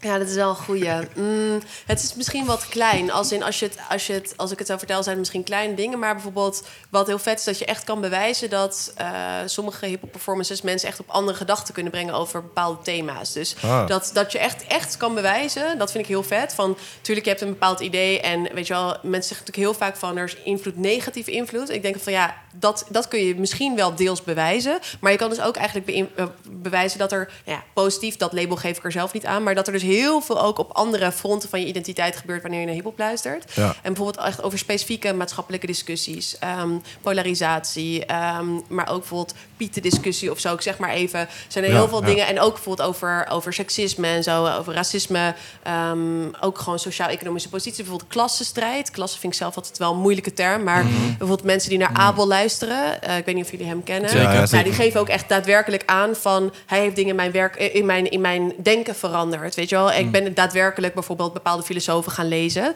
En kijk, wat ik daar verder van vind... dat is niet relevant voor mijn onderzoek... maar het is wel interessant dat dat gebeurt. Ja. Precies. Dat, je dat, dat, Ja. dat is echt een, een visie kan veranderen bij mensen. En Denk oh ik ja, ook wel. Het is gewoon, het is Ja, gewoon super interessant. Zonder Bij onderzoek Lijpen, verder, Hetzelfde verhaal trouwens. Ja, ja, er is ook gewoon nog zoveel meer te onderzoeken. Maar bij Lijpen zag je dan dat eh, hij, hij spreekt heel veel over geloof en over levenspad. Weet je wel, wat is het juiste pad? En dat is gewoon typisch islamitische eh, thematiek in feite. Ja. En van welke kant ga ik op? Welk leven kies ik? Leef van de straat of juist geloofsleven, wat meer naar binnen is gericht. En daar zie ik bijvoorbeeld ook dat jongeren die bijvoorbeeld minder bekend zijn met de islam, daar veel over leren. En Ja. dus ook soms affiniteit krijgen daarmee. Eh, niet dat ze dan direct bekeerd worden of zo, maar eh, dat zou te sterk zijn. Maar je krijgt wel gewoon feeling natuurlijk en kennis van zaken. En dat is gewoon ook heel belangrijk Precies. Om je in te kunnen leven. Ja. Ja, maar bij hem zie je ook die ontwikkeling, dat die, hoe die bij levensles was bijvoorbeeld. Ja. Gek. En hoe die nu gewoon Heel inderdaad eh, vader Mooi, is en man. rustiger. Ja, Dat hoor je ook zeker. Maar- Zo. Ja, echt. Ja. We hebben hem in de studio meegemaakt. Ik wilde En net toen, zeggen, En, dat en toen, toen was hij al- eigenlijk altijd al wel heel erg... Hij heeft ons best wel veel mooie dingen geleerd, vind ik zelf, over geloof in de studio. Terwijl hij daar misschien minder mee bezig was of zo. Of mee bezig, bezig was, muzikaal gezien. Is er iets specifieks waarvan je dus denkt van, nou dat heb ik dan van hem een beetje meegekregen? Ja, woorden, dingen die hij zelf vaak gebruikt Ja. thuis. En eh, minder in zijn muziek, bijvoorbeeld, of termen. Dat hij dan eh, iets zei tegen ons en dat, hij, dat wij dan iets terug zei dat hij zei... Weet je eigenlijk wel wat het betekent? Weet je wel? Zo. En dan eh, daar met hem over hebben gehad. Over eh, ja, van alles. Ja. Wat, wat, wat mooi is om te zien. En dat hij dat nu, nu ook... Daar moet je denk ik heel veel over leren. Wat ik net tegen jou zei van... Je kan soms voorlopen, voor, voorlopen voor op je muziek lopen. In plaats van op jezelf, zeg maar. Dus Ja. Ehm, als bij hem heb ik ook het gevoel dat hij dat ook doet. Dat hij bepaalde dingen aansnijdt of over bepaalde dingen denkt die hij later aansnijdt. En dat is bij jou op, Ja. op een andere manier, maar kan het ook zo zijn. Ik denk eh, de laatste keer dat ik met hem in de studio zat, was voor het album waar ik op sta. Daar hadden we een, t- een track gemaakt, Allemaal Safe heet die volgens mij. Mm. En toen heb ik met hem dus ook een gesprek gehad over zijn, hoe hij kijkt naar geloof. En dat was de hij- Hij begon daar gewoon over te praten. Toen schreef hij die tekst. En ik ben eigenlijk door een soort van zijn verhaal geïnspireerd geraakt om ja, ook meer in zijn, eh, niet per se zijn gedachten over te nemen, maar wel in, in zijn thematiek te blijven. Ja. Terwijl ik misschien voor, voordat ik met hem daarover had gepraat, niet ging, had gedacht van ik ga iets maken met als thema geloof. Dus voor mij was het ook een soort van uitdaging van Wat cool. eh, ik neem dat ook mee. Want ik, wil dat, ik respecteer dat hij hier zo op deze manier over schrijft. Ja. En ik wil dan niet op die track komen als die guy die totaal Ja. uit de context valt. Ja. Maar ik wil ook niet de guy zijn die niet zijn eigen soort van ding daarin stopt. Snap je? Dus dat is soort van co- gecombineerd. Dus dat is Heel heel... vet Ja. om te horen. Ja. Als in dat jij dat ook dat gevoel hebt, zeg maar, dat je het herkent. Inderdaad. Dat is sowieso iets belangrijk voor mij, zeg maar. Dat, is ook waarom... het- Dus, dus heel veel mensen maken vaak muziek samen met andere artiesten... Ja. vanwege bepaalde overwegingen die misschien minder te maken hebben met de inhoud. En bij mij is het heel vaak dat ik heel veel mensen super vet vinden om muziek mee te maken. Of gewoon überhaupt vet vind. Maar ze, ze, het- ze moeten wel echt bij de soort van thematiek passen. Of bij hetgeen Ja. passen wat ik wil zeggen. En ik wil niet dat het gewoon een soort van zo ver uit elkaar staat... dat het wel gewoon een track is... maar dat als je naar de inhoud kijkt... dat het eigenlijk als het ware een, een dit boek en dit boek... Ja. scheur de middelste pagina af en zet die onder elkaar. Zeg maar. Dus het moet, moest voor mij wel een soort van passen. En dat is ook wat het bijzonder maakt... als je dus artiesten als Lijpen vindt... met wie je wel eh, samen kan schrijven. Ja. Maar ik, ja, heel veel artiesten denken daar anders over. Persoonlijk voor mij is dat Ja. Wel echt het ding. En heb je dan nu nog mensen waarvan... Ik vroeg het ook al eerder even off-camera, zeg maar. Maar heb je nu artiesten waarvan je denkt van...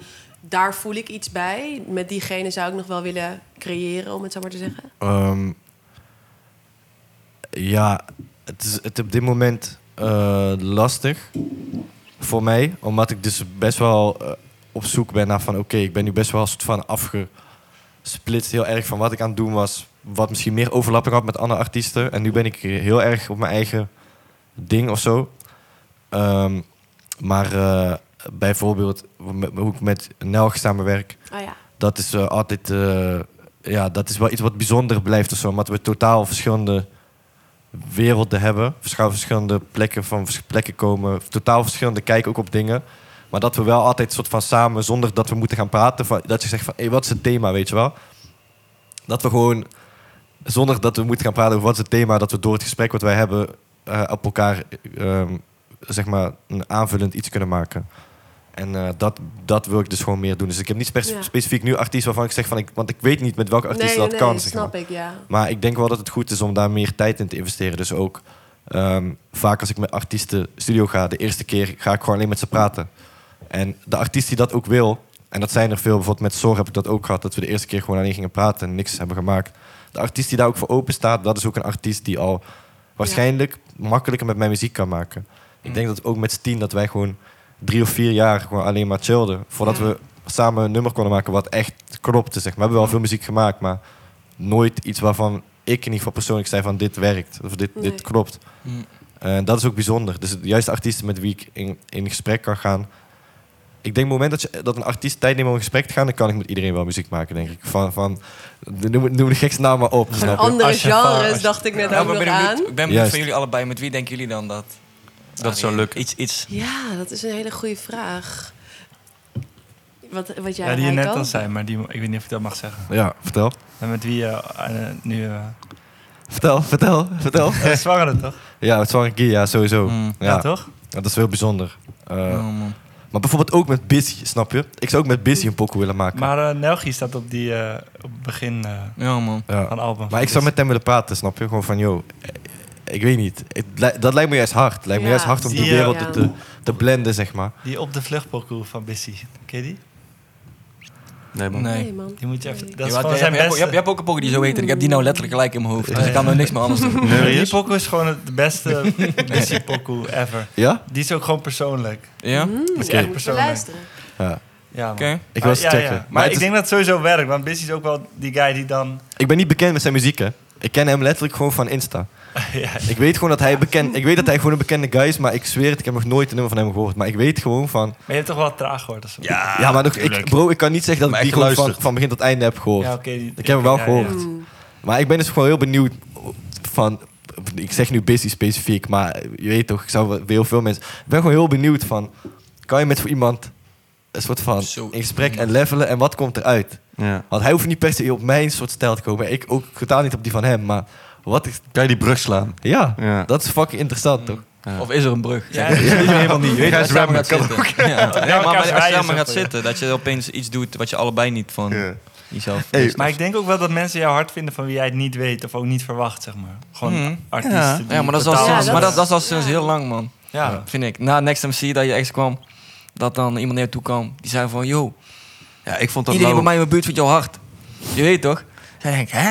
Ik, ik wist helemaal niet dat ze muziek daar kende. Maar dat was toen al, je weet Ja. toch? Dus dat is alleen maar eh Ik goed, vond dat Lau wat heel bij die, eh die woordenpod, eh, woordenschat-podcast, dat Jay, die was echt goed. in. Die was niet eens ingelezen, die wist het gewoon allemaal. Hmm. Ja. Weet je wel, dat, Die, dat die, vond- die, die, die was jou aan, aan, aan het verbeteren over jaartallen van jouw albums. ja, Ja, maar dat is gewoon wel een soort van on- onverwachts of zo, maar Ja. ook weer niet. Maar ja. Ja, man. Hey, wat zegt die chat? Is er nog iets? We hebben het echt een leuk gesprek, maar eh, we moeten de mensen er wel een beetje bij blijven betrekken, man. toch? Sorry, Sterk, voor de mensen thuis. Eh eventjes kijken, even, we gaan er eventjes naartoe. Even scroll iets. Nou ja, eh, aardig wat dingen. Iemand zegt, eh Aris kan wel op Mars zijn, pa. Zegt iemand. Ehm, ja, van allerlei reacties op, op dingen die we lang geleden hebben gezegd. En voor Aafje, ik heb je podcast met Jiggy ook geluisterd. Heel nice wat je doet, zegt Bastiaan 7. Bedankt. Love it. Bastiaan. Super cute. En dan jou, Bastiaan 7. Je krijgt, je, krijgt, je krijgt nog meer shout-outs van de chat. Eh, Thanks. iemand vraagt, wat is de naam van haar baan? Love it. Gewoon hip-hop onderzoeker. Maar je mag Ja. wel bij mij stage komen lopen. Gewoon PhD gaan doen. Maar je, je kan stage lopen bij mij. Ah, oké. Mail me maar. Je kan stage lopen, is het? Ja.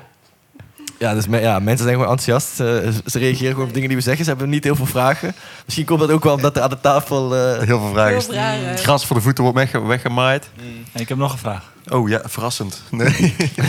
Daarvoor ben ik hier, toch? vertel, jongen. Eh, wa- wat zie jij, eh, hoe zie jij de overeenkomsten en verschillen? Maar misschien overeenkomsten is leuker. tussen hip-hop journalistiek en eh hip-hop literatuur of onderzoek. Oh ja. Dus wat zijn onze overeenkomsten en verschillen? Ja, daar zat ik nog over na te denken toen ik, toen ik hierheen liep. Dacht ik aan jou. En toen dacht ik van hoe onze positie zeg maar overeenkomt en verschilt. Ja, ja. Ik denk dat jij, nou ja, dat, dat journalistiek misschien nog iets dichter bij artiesten staat. Dus toch iets meer nog een soort van. Ehm, je hebt zeg maar het vermogen om een artiest een soort platform te geven, helemaal in beeld te brengen en daar ook echt rekenschap te geven of een soort van rekening te houden van, met de wensen van een artiest of zo. Maar je hebt wel ook een bepaalde objectiviteit, naar mijn idee. Dat is tenminste ook een beetje hoe ik het zie. Je hebt ook wel een soort Maar afstand. je, ik of je algemeen? Algemeen, Ja, ja. algemeen. En jij, zo, jij ook, je bent een van de voorbeelden. Maar ja, oké, dat is wel... Dat zou dan echt over specifiek hip-hopjournalistiek gaan, Ja, inderdaad. ja, ja. Want je hebt ook media als soort van... Wat, wat hij Ja, ik wou Ja, zeggen, zeg eens. vo- voedt zeg maar wat Rijko doet, jouw onderzoek ook. Ja, zeker. Ja. Ja, zeker. Ja, dus, dus je hebt zeg maar hip-hopjournalistiek, zie ik ook. Is, dan denk ik aan Thomas Zimmer van Vos, jou, eh, Bowie van Loon, Sal van Stapelen. Timo. Die art Timo, zeker. Eh, dus dan denk ik aan die artiesten, die voeden het inderdaad. Omdat zij een soort van artiesten aan het woord laten. En dan kan ik ook weer even kijken van... oké, wat zeg maar de meta-perspectief van wat jullie doen? Of bijvoorbeeld wat ik ook tegen jou zei van... eh, je wilde meer uit de spotlight blijven. Dat zie ik dan in een interview bijvoorbeeld. Of ik weet nog dat je te- in 2017... dat je tegen Thomas eh Heerman van Vos gezegd van... ik wil geen rapper meer zijn of zo. Dat is dan voor mij interessant, weet je wel? Want ik ga kijken van oké, hoe, hoe werkt dat? Hey, even andere Ehm, vraag. Nee, Ja, nee, ga verder. vertel verder. Inside. inside. Oké, ja. het, gaat, het kan lang doorgaan hoor. Ja, ja, vertel, vertel. Maar ik denk dat die objectiviteit wel een beetje overeenkomt. En tegelijkertijd, zeg maar, je hebt hiphopjournalistiek en je hebt ook gewoon journalistiek. En dat Ja. ziet er dan weer heel anders uit. En daar hebben wij in feite allebei op onze eigen manier weer mee, mee te maken. Want je hebt ook mediaplatforms die misschien wat minder gunstig of je wat minder goed gezind zijn, zeg maar. Ja. Ook als onderzoeker. Dus daar moet je ook weer op een andere manier toe verhouden of zo. Net als jij kies ik denk ik ook best wel kritisch waar ik wel en niet kom, bijvoorbeeld. Ja, dat, ik was ook, dat wil ik ook vragen. Van, zeg maar, je noemde net een paar namen op en ik, ik weet hoe iedereen zeg maar, manier van interviewen is. Ja. Neem je dat ook soort van mee in je eh, onderzoek als je daarna gaat kijken? Van bijvoorbeeld Rijko is, is voor mij zeg maar, de, de, meest, Ja. De minst, de minst biased persoon zeg maar, die interviews kan geven. Omdat hij gewoon niet voor iets... Ja, ja, je doet interviews voor het parool. Maar ik bedoel, als jij Rijko interviewt, jouw kanaal... Je bent niet voor een, eh, iets van de NPO of je bent niet voor iets Nee, bezig. nee. Dus je bent heel... Je, snap je? Absoluut. Terwijl als dingen En van Parool is ook NPO... freelance, dus dat is ook nog steeds los van. Juist, daarom, dat En bedoel niet- ik. ja, ja. Terwijl zeg maar, bijvoorbeeld NPO is heel vaak gewoon... eh, je komt niet voor, niet, zeg maar, voor niks op de NPO. Ja. Zij, weet, zij weten wel al van, oké, ehm, di- Oh. hier moet het over gaan.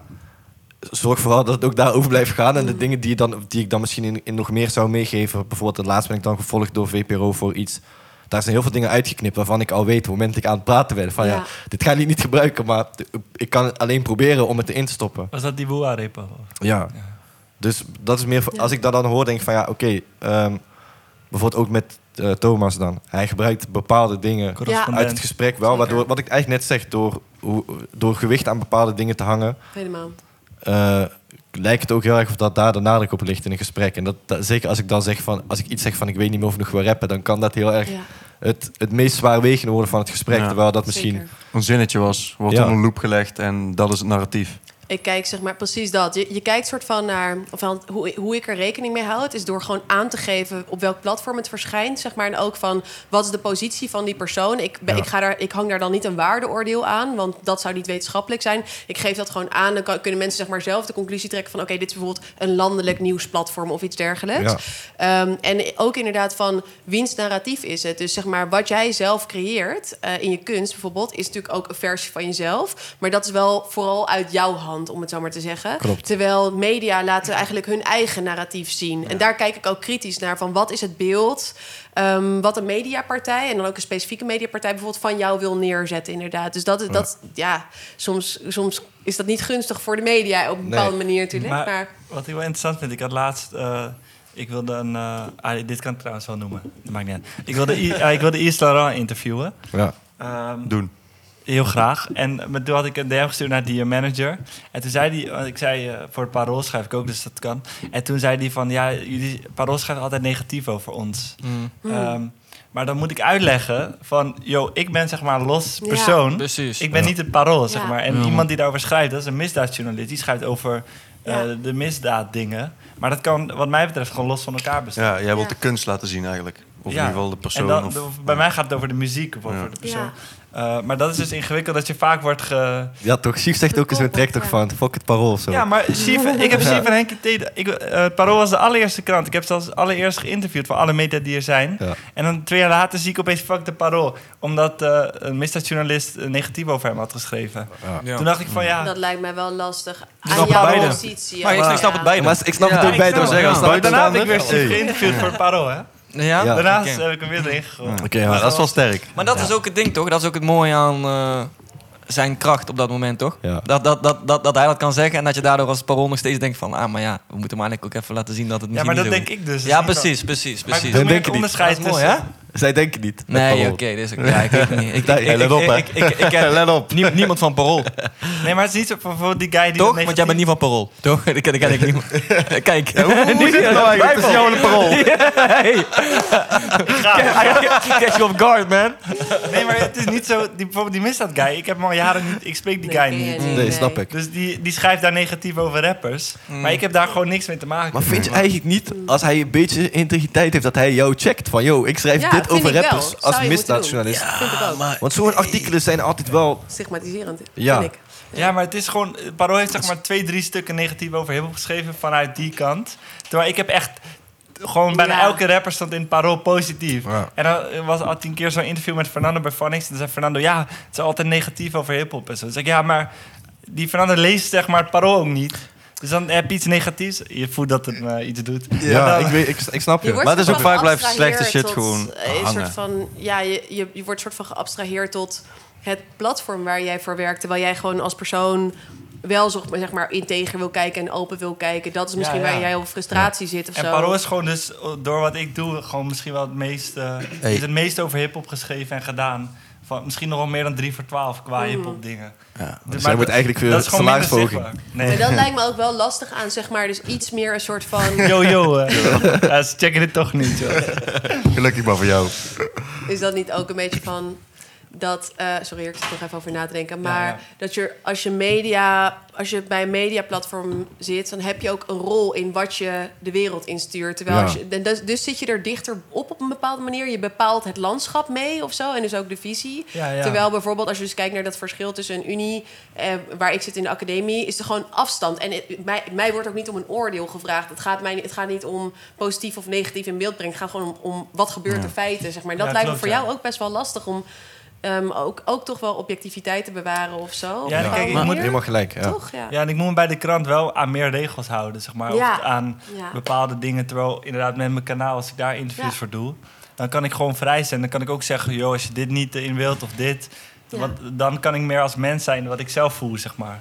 Terwijl bij... Sorry, wil je... Maar ja, word jij door, door, schrijf jij iets, lever je dat aan en word je dan door een eindredactie teruggestuurd als zijnde van, yo, lauw, lauw wat je gemaakt maar dit en dit en dit voldoet niet aan de regels? Of heb jij toch ergens aan de voorkant wel in gedacht van, oké, dit is voor het parool, ik moet me aan die en die regels Nou houden? kijk, de paroollezer is gemiddeld 60 jaar. Mhm. Dus je weet... Dat is Gemiddeld? echt zo. Ook? Ja, ja, waarschijnlijk gemiddeld. Of, dus je weet...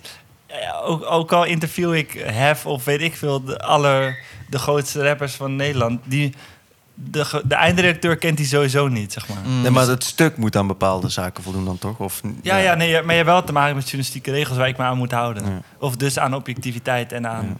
Maar alsnog, ik zie ook hiphopjournalistiek als een soort los deel van de journalistiek... omdat je Ja. er soort eigen regeltjes en dingen voor zijn... om daar een beetje in te kunnen manoeuvreren. Omdat als je er van buiten in komt, dan, dan is het meestal... stuit het op weerstand of op... eh, Maar is er een regel die jou Ja. voor bepaalde dingen, die bepaalde dingen tegenhoudt voor jou? waar je aan moet houden als je iemand interviewt? Nou, ik vind het... eh, ik vind het vet zelf zeg maar tof om echt over de hip-hop en over gewoon de muziek te praten. Maar in, voor een krant moet je wel vaak een soort verhaal hebben, zeg maar. Mm. Dus soms wil je iemand interviewen die eigenlijk niet echt een verhaal heeft en die kan dan minder in de, die kan minder in de krant eigenlijk. Mm. Want maak je dan Want zelf ik moet het pitchen. Ik moet zeggen van, joh, ik wil over deze artiest een interview doen. En dan krijg ik gewoon, oké, wat is zijn of haar verhaal? Ja, maar dat is ook weer vanuit een... Zeg maar, ik snap je normaal, maar vanuit de artiest zelf... En dat, dat weet jij ook, daarom vind ik, is het ook hard. Maar ehm, voor heel veel tv-programma's bijvoorbeeld... heb jij een ziek verhaal nodig om daar te komen... in plaats van dat de muziek bijvoorbeeld goed is. Snap je? Ja, Je weet toch, maar dus dat- dat kut, is echt- Dat is Ja. hoe media werkt. Dat, Precies. dat kan Maar dat is frustrerend Precies. zijn. Nou, dat maar- voor ons allemaal. Dat delen we allemaal wel. Dat Ja. gevoel van waarom moet er altijd soort van die nieuwswaarden zijn. Vaak is het ook negatief, Mm. weet je wel. Waarom kan je niet gewoon meer inzoomen op het genuanceerde of iets dergelijks? Dat zou, dat zou veel beter zijn, Ja. denk ik. Mm. Ja, toch? Ja, eerlijk. We hebben het hier veel over. Ja. Dus, Ja, dus wat Ivo bij ons bijvoorbeeld doet, het contact met de media. Ja. En ja, hij, moet daar, hij gaat daar niet te veel dingen over mogen zeggen op camera. Maar voor mijn gevoel is het gewoon vaak van... Waarom nodigen jullie mij niet gewoon uit? Zeg maar van... Ja. Er moet altijd een soort... Kijk, als, er nu, Ja. als ik nu iets heel geks ga doen of zo... Of iets heel... Dan wel. Maar als ik gewoon doe wat ik nu doe... En dat is al heel Nieuwswaardig. gek voor mijn gevoel, zeg Mm. maar, wat ik doe. En überhaupt elke artiest bijna gewoon... Dat snap je niet alleen voor mij, maar gewoon superveel artiesten... Die doen hele gekke shit. Hoe kan het dat Frenna ook bijvoorbeeld nooit wordt gevraagd voor Ja, Mm. zulke grote shows. Terwijl hij de fucking grootste artiest is van dit Ja, land. man. Je, Hoe zie ik hem nooit bij En Jinek of zo? Fucking mooi verhaal heeft. Buiten dat, hij heeft Ja, ook een super mooi verhaal. Ja, ja, ja. Zeg maar, maar het moment ook, dat hij iets echt geks iets gaat doen wat niet Ja. kan, door de beugel kan, dan mag hij wel daar Ja. komen om zichzelf te verdedigen van, oh, eh, Mm, ja, man. dat vind ik gewoon zonde, man. Heel- dat is ja. echt jammer, want En dat is niks ten nadele van jou, maar jij bent viraal gegaan om een gemberstuk die je hebt gekocht. Je weet toch? Ja. Maar dat is, Hey, dat maar was dat een was, was interessant... ook belangrijk. Zeker, maar dat is een interessant verhaal. Ja. Zeg maar, dat vinden mensen grappig, vinden leuk om te horen. Maar wat Vertel even kort, inderdaad vertel Ja, even heel kort. Ik had, ik had hier eh, bij een zeer zekere supermarkt had ik, eh, had ik een stuk gember gekocht. Ik liep naar mijn werk. Ik zag het lijkt op een dier. Dus ik had op mijn Insta gepost van... Yo, wat is dit? Een eenhoorn of een kameel? Ik kreeg veel stemmen binnen van... Yo, is een kameel. Dus ik kwam op kantoor. Ik zei, hey, moet je kijken, ik heb een gemberkameel. Zijn maatje van me die zei van... Yo, eh, zet dit op Insta of zet dit op een Marktplaats... en eh, probeer het te verkopen, want mensen geven hier geld voor. Nou, ik niet gedaan. Toen zag mijn zus het. Ze appte ook van... Yo, zet het op Marktplaats, want je kan er geld aan verdienen. Toen dacht ik, nou, weet je wat, fuck it. Ik zet het op Marktplaats. Collega van me tientje geboden. Nou, zo in mijn eigen kring ging het van 11, 12, 13, 50, 100. En zo is het gewoon zo viraal gegaan... dat Hart van Nederland aan deze tafel heeft gezeten. Nee. Eh, ik heb, ik heb daar da, Jeugdjournaal en de Telegraaf gezeten. De, de Linda, alles Linda gewoon. gewoon, gewoon echt, echt gewoon... Ik werd gewoon... Bizar. Telefoon rood gloeiend. Echt. Maar er is echt een paar duizend euro geboden op die... Ja, uiteindelijk. Maar ik heb het ook wel. Ik heb het ook wel. Ik heb het ook wel. Ja, kijk, het is geboden, maar ik wist ook dat ik het niet ging krijgen. Maar ik dacht, als ik gewoon doe alsof dat serieus is, dan ga ik er misschien wel een leuk centje aan overhouden. Dus, dus eindstand, eindstand. Ja, ja, het staat ook allemaal nog op internet. Het is allemaal nog terug te Maar hoe kijken. lang is dat geleden? Eh, dat is maar- eind vorig jaar geweest, man. Want het zat ook bijvoorbeeld in de SBS. Die had zo'n show eh, met de vragen over het afgelopen jaar in januari. Ja. Zat er ook weer in van... in welke vorm verkocht Ivo Hoft uit Tilburg een stuk gember? Weet je wel? Dat bleef echt maar... Ik bleef maar dingen toegestuurd Ik krijgen. Maar, van was, want jij het bent alleen maar... Heel- Want die avond zou je eigenlijk komen chillen. Je hebt alleen maar was- gebeld de hele tijd. ja, man. liep dat alleen maar weg van tafel. maar- ja, en het was Toen echt surrealistisch oh, weet je wel? Bizar, ja. Maar ja, toen kreeg ik ook al van, van andere mensen... kreeg ik ook van, joh, luister, ik probeer al eh, drie, vier jaar... probeer ik gewoon... Ja. misschien vijf of tien jaar probeer ik al met muziek probeer ik iets te doen. En jij gaat viraal met een fucking stuk gember, weet je wel. Ja. maar ook dat is kwaliteit, hè. Dat is wel een goed voorbeeld van hoe het... eh, Ja, hoe- het kan precies, werken, ja. precies. Het moet... Ik heb een vraag uit de chat. Ja. Mag ik die? Mag ik die Ja, zeker, maatje. Aafje, ja. wat vind jij persoonlijk de hardste track van Ari? En welke is het interessantst voor je onderzoek? En waarom? Hmm. Oeh, mooie vraag. Wie stelt die? Goeie vraag, ja. Beats bij Kanye, vraagt dat. Ah, dat is wel ook gewoon iemand die erin zit, toch? Oké, mm, ik moet er één kiezen. Nou, oké. eh, Top 3 mag van mij, maar ik weet niet of Beats bij ja, kan je. ik zit denken. En hoeft niet op volgorde. Sowieso persoonlijk, zeg maar, vind ik wel oudere tracks. Sommige oudere tracks vind ik heel mooi. Zoals Eenzaam Samen vind ik heel mooi. Eh, of Closer. ehm, even denken hoor. Ja, sommige...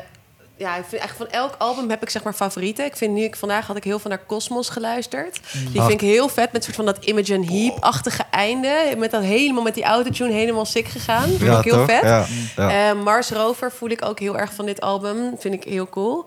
Eh, en zeg maar qua wat echt heel interessante tracks zijn voor mijn onderzoek... waren ja, toch ook wel al ja, van, van Lotus onder andere. Eh, dus dingen als eh, Schone Lei, Ja, ja, Clean favoriet. Water. Omdat het heel erg ging over dat opschonen van, van je lichaam... als een soort van tempel. En het ging, ik had toen een soort lezing over ehm, thuis zijn in jezelf of zo. En toen had ik, dat, had ik dat album net helemaal geluisterd. Ik luister ook heel vaak één nummer op repeat. En toen zat daar zoveel filosofische symboliek in. Ehm, ik zat ook nog even te na te denken, want ik zat dus een beetje dat te lezen vandaag in voorbereiding. En toen zag ik dus dat, zeg maar, de. Je hebt dus het. Oké, is heel soort van taalkundig, maar het kernwoord of het, het stamwoord, zeg maar, van home of van thuis is kei. En dat betekent ehm, dat een soort Indo-Europees stamwoord. En dat betekent dus iets neerleggen en een plekje waar, waar, waar, waar je het fijn vindt. En, en een soort van eh, iets, iets waar je je hoofd neer kunt leggen. Dat is dan uiteindelijk de betekenis. En jij hebt in die tracks op Lotus heb je het heel veel over. Ik maak mijn mind schoon. Ik doe een geweten cleaning, wat ik ook al eerder zei. Ja. Ehm, en dat vind ik dan heel vet. Van, dat is voor mij ook in mijn wetenschappelijke ja, van, vanuit wetenschappelijk perspectief heel vet hoe je daar dan een soort van oude filosofische ideeën over thuis zijn en ook die dat woordelijke soort van een nieuw jasje geeft of zo. Dus Ja, gek. ja, die Lotus vond ik echt was voor mij een heel goed album. Alice vind ik ook nog steeds geweldig. Ja, ja, ja. Kunnen we wel Ja, blijven. Ja. Maar het, het gaat vaak hand in hand ook. Dat is ook zo. Weet je wel, je hebt een soort passie voor een nummer ehm, uit persoonlijke interesse. Een soort van je luistert er heel graag naar. Ja. En dan in één keer vallen je weer dingen op van... wow, dit is ook heel interessant. In, in een van die nummers van nu vind ik bijvoorbeeld die line heel interessant... van vermijd polarisatie, vind een radar en verdwijn eronder of zo. Ja.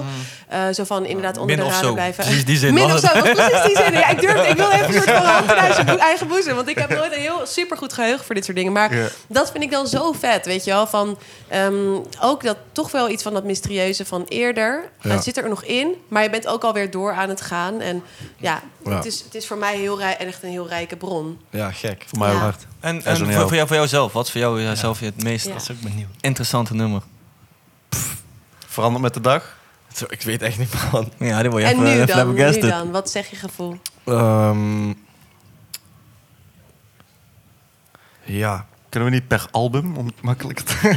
het is, het is lastig voor mij, omdat... eh, eh, ja, op dit mom- omdat ik dit moment gewoon even heel erg op zoek ben naar van wat... wat ehm, bijvoorbeeld dan ook, we hebben dan net, net shows gemaakt, volgorde van shows gemaakt. En dan kies ik toch misschien ook misschien tracks uit die misschien minder populair zijn, zijn bij het publiek. Maar die voor mij iets meer gewoon eh ehm, textueel veel zeggen. En dat is een van mijn... Van mijn eh, ik weet niet hoe je het precies uitspreekt, maar dat is ook wel grappig. Dus ik heb een track, ik weet de titel niet, eh, hoe je hem uitspreekt. Diamond van mijn laatste album. Dat is een track die is een soort van gebaseerd op een oude Griekse ook filosofie, waarin dus een soort van vanuit wordt gegaan dat er een schaduw is achter elk mens. Een schaduw, maar de schaduw heeft ook eigenschappen van licht, heel spacend eigenlijk. Maar, En die, bijvoorbeeld, ik kijk nu naar jullie en ik kan dat zien, maar jij kan die schaduw zelf niet zien. En dus dat, die schaduw staat als het ware symbool voor ehm, de dingen die andere mensen van jou kunnen zien, die jij misschien zelf nog niet ziet. En daar gaat eigenlijk met die track ook over. En ik zing het eigenlijk soort van tegen mezelf van. eh, de dingen, dingen die je, die je, eh, de dingen die je zegt zijn zo anders als hoe je jezelf gedraagt. Ja. Eh, ken eerst jezelf. Die dingen, zeg maar. Dus ik, ik heb het meer over, niet per se over mezelf, maar over iedereen in mijn omgeving die daar iets aan zou kunnen hebben. Ehm, een soort van, door dat oude idee, wat ik dus, ik heb uiteindelijk, eh, dat, dat idee was, eh, ehm, ik weet niet of je Hannah Arendt kent. Mhm. Eh, ja, dus zeker. ik, eh, ja, ik was, ik was eh, volgens mij st- stond het in de menselijke conditie, maar ik heb ook een ander boek, ik weet niet, ik heb fucking veel boek van haar gelezen, ik denk dat daarin stond. En zij legde dat dus uit, dat, van, dat idee van die daimon. En dat sprak me zo aan dat ik het gewoon op had geschreven. En later in de studio, toen Skiwa die beat had gemaakt, een soort van ehm, mezelf in wilde verdiepen van hoe kan ik dit vertalen naar iets wat in mijn directe omgeving eh, is. En Ja. dat, daar ben ik fucking blij mee dat het is gelukt. En eigenlijk was het ook een track die duurde eigenlijk twee keer zo lang. En ik heb besloten om korter te maken om het, de, bo- de boodschap gewoon laag te houden. Ja. En eh, ja, daarom ben, dat is iets wat ik de laatste tijd eh, eh, heel erg kan waarderen. En die doe ik dus bijvoorbeeld, wil ik dus bijvoorbeeld ook bij mijn shows doen. Ja. Terwijl dat misschien een track is die voor het publiek iets meer... Ja, je moet, hem, je moet je echt daarin verdiepen. Het is niet een, eh, geen, geen hit, zeg maar. Nee, maar daar zijn shows ook mooi voor, toch? Ja. Want dan, dan heb je een beeld. Je, je kan letterlijk. Nu ook, als er bepaalde vragen of bepaalde dingen worden gezegd, dan zie je jou glimlachen, bijvoorbeeld. En dat Ja. kan heel veel doen al. Je weet toch, want dan zie je wat jouw gevoel erbij is. Letterlijk. Dan is het Mhm. bijna tastbaar. En is met dat hetzelfde. Dan weet je Ja. wat jij voelt bij zo'n tune. En. Daarom is het zo mooi om dat te kunnen doen en te kunnen delen op zo'n moment. Er kan ook een soort van... Oh, dat oh. oh, gaat dat dat er een soort van affect ontstaat. Heet dat. Dus dat je zeg maar, je hebt natuurlijk effect van wat je, het effect dat je het letterlijk op iemand hebt. Maar in een, in een zaal, zeg maar, kan dus affect, dat is zeg maar het ongrijpbare wat tussen jou en het publiek ontstaat. En ik denk dat als jij Ja. het inderdaad juist vanuit je puurste ziel, zeg maar, gaat performen daar, dat het dan juist misschien wel meer aan kan komen. Precies. En ook, ook soms dat mensen daarna gaan luisteren. Dat heb je ook wel eens, toch? Dat je naar een concert gaat. Heb ik ook wel eens met jouw tracks gehad. Van, ehm, daarna nog weer een keer luisteren. En dan weer een nieuwe, nieuw, nieuw gevoel erbij hebben. Precies, precies. Maar ik was Ja. ook heel benieuwd, ehm, als ik nog weer een vraag mag stellen. Ja, tuurlijk. Maar een soort van hoe jij nu... ehm, dus hoe zie je jezelf weer verder gaan na dit album? En hoe ga je weer tot je nieuwe verhaal komen? Heb je daar al een idee van? En als dat ja. niet zo is, is het helemaal niet erg natuurlijk. Maar... Ehm, ja, dat is lastig nu. Ehm, met name omdat heel veel dingen om mij heen gebeuren waar ik nu eh, een soort van energie naartoe aan het zenden ben. En dat is een periode waar ik eigenlijk toen ik gestart ben met 162 records en, en niet alleen de, de, dus de recordskant, maar de muziekkant, maar alles, weet ik gewoon al van oké, ik ga nu een periode lang heel veel muziek of heel veel energie daarin moeten steken Ja. zonder dat ik het direct terug ga krijgen. Dus ik ben heel lang, heel langzaam eh, aan het bouwen naar, aan allemaal dingen die niks te maken hebben met mijn soort van beweging als schrijver. En ik denk dat dat dus langzaam ook weer eh, terug gaat komen in mijn muziek. Maar voor nu wat ik zeg, ik kijk er nu echt heel erg naar als een... eh, meer heeft het nut? Hoe- hoeveel effect heeft het? En dan, heb, dan kijk ik en dan denk ik van... oké, ik heb nu met, met Waverman 18 tracks... met Lange Termijn Visie 17 tracks... en Lotus in twee jaar... heb ik superveel muziek uitgebracht. En niet alleen superveel muziek, het is ook mijn meest... Hoe zeg je dat? Er zitten de meeste woorden in, de meeste dingen die ik zeg. Het me, er zit heel veel in. En ik wil niet dat het soort van gaat ondersneeuwen... ehm, wat ik heb, heb gezegd. Zeg maar, ik, ik vind bijvoorbeeld, het is mijn favoriete schrijvers zijn dan niet per se artiesten, maar filosofen. En ik merk dat de filosofen die ik hard vind, daar heb ik alles van gelezen. Maar ik heb geen 20 of 30 boeken van hun gelezen, Nee. snap je? Nee. Want die zijn er niet. Klopt, ja. En ik denk bijvoorbeeld, bij- bijvoorbeeld bij Hannah Arendt, Ja. als zij twee, drie keer zo had geschreven, dan had ik, eh, denk ik, niet beseft hoe sick, sikke was. dingen zij ja, was. ja, Ja. Ja. zeker. Dus ik, ik ben het heel erg in die, dat perspectief aan het plaatsen van... eh, sommige, sommige schrijvers die ik ken hebben zelfs één of twee dingen Ja. geschreven die heel hard zijn. En de rest, dat, dat, ze hebben misschien niet eens meer. En ehm, Het hard dat je dit zegt, man. dat vind ik gewoon, dat is gewoon heel- iets heel interessants. En dat laat me ook altijd nadenken van... Misschien kan ik wel weer iets schrijven, maar in hoeverre ga ik dan niet schrijven... omdat ik van mezelf verwacht dat ik dat moet doen. Mhm, Ja. Dus ik ben eigenlijk gewoon heel, heel nonchalant aan het wachten tot een bepaald gevoel ja. eh, tot me komt waarvan ik denk van ah, meer Mhm. organisch in Ja. feite. En ook weer, dat vind ik wel heel grappig, omdat we het eerder hadden over van... je gaat soms ook weer terug dus naar... soort, je gaat verder aan de ene kant, maar je gaat soms ook weer terug naar iets van eerder. En Ja. het lijkt alsof je toch ook wel weer misschien... ik wil het niet voor je invullen te veel hoor, dus ik check het wel bij je. Maar Ja. of je weer misschien een beetje teruggaat naar dat... iets spaarzamer zijn, misschien met niet de hele tijd dingen uitbrengen. Het moet Ja, wel precies. weer iets nieuws vertolken op een bepaalde manier. En ook iets ouds misschien hoor, maar iets, iets een soort nieuws vertolken Ja. of zo. ja, je wordt gewoon heel snel een ehm, je wordt gewoon heel snel een business eigenlijk. Dus je bent heel snel Mm. gewoon een, eh, een guy die een album uitbrengt. En ja. op een gegeven moment gaat de verschuiving van ik maak muziek, dus ik, ik kan daarmee optreden. Op een gegeven moment gaat daar gel- veel geld in worden verdiend. En dan gaat iemand zeggen van, hé, hey, luister eens, wij moeten nieuwe muziek, dan kan je weer optreden. In plaats van, we hebben muziek, nu kunnen we optreden. Ja. Was van, dus de optredens gaan de, de, de kunst dicteren, zeg maar. Dus de, de persoon die de optredens fixt en de mensen die da- daar allemaal omheen zitten, die daar geld af, dat kan een grote organisatie zijn. Die willen eigenlijk allemaal dat jij in januari een show doet met nieuwe muziek. Ja. Want dan komen weer nieuwe mensen kijken naar jouw nieuwe ervaring. Dus jij bent eigenlijk al een soort van... Je hebt al een soort van deadline op aan jezelf, aan je, aan je kunstwerk. Ja, van het moet dan er, eh, eruit zijn. En eh, ik denk dat dat, dat... Wat ik net zeg, die energie die ik nu aan het stoppen ben in andere dingen... dat doe ik alleen maar om ervoor te kunnen zorgen dat ik daar minder afhankelijk van hoef te zijn. Dus dat ik zeg maar mijn kunst, muziek kan loskoppelen van mijn bestaan eigenlijk. Dus met de manier hoe ik me, ja, wat ik zeg, mijn huur betaal, me, eh, de dingen doe die ik wil doen. En tegelijkertijd eh, ook kan blijven investeren in, in talenten zoals met, met 162 doe. Dat ik daar, eh, daardoor ruimte ga creëren om in mijn muziek, eigenlijk het klinkt grappig, want dat is een soort van altijd het streven, nog vrijer kan gaan bewegen. En kan, ja, ik weet niet, iets kan doen wat losstaat van de, de, dus ja, dat ik gewoon denk van ik ben nu rapper, ik zit nu in de studio, ik zie daar een microfoon en ik ga nu iets opnemen, want dat, moet voor mij, dat wordt voor mij verwacht, want ik moet wel over twee maanden optreden, zeg maar. En het is niet dat ik dan onder druk muziek maak, totaal niet hoor. Maar je zet jezelf wel aan tot het maken van een project in, nou, bijvoorbeeld met Lotus in, in zes maanden. Terwijl je ook kan zeggen van, yo, Lotus wordt mijn magnum opus, ik doe Ja. er vijf jaar over. Ja. En dat, dat wil ik nu eigenlijk doen. Ik wil gewoon nu kunnen zeggen van, eh, dan maar even niet zoveel op social media, en dan maar even iets minder, eh, ehm, dat soort dingen. Maar dan wel uiteindelijk met iets komen wat heel erg eh, ja, vertegenwoordigt wat, wat misschien vijf jaar van mijn leven zijn. Dat lijkt me dik. Een heel vet streven, ja. Dan heb ik hier een mooie vraag vanuit de chat. Vertel. Iemand die eh, vraagt aan jou. Of zegt Ares. Het is bekend dat je een opslag van unreleased nummers, eh, van unreleased nummers hebt. Of tracks die de album niet gehaald hebben. Gaan we daar ook losse singles van meemaken? Of is het streven naar perfectie zo puur dat dat niet gaat gebeuren? En daarna zegt iemand nog... Goeie vraag. Ik denk dat Melancholia en andere tunes van bijvoorbeeld Alice... heel veel kunnen betekenen voor veel mensen. Ah. Ja. maar dat is de.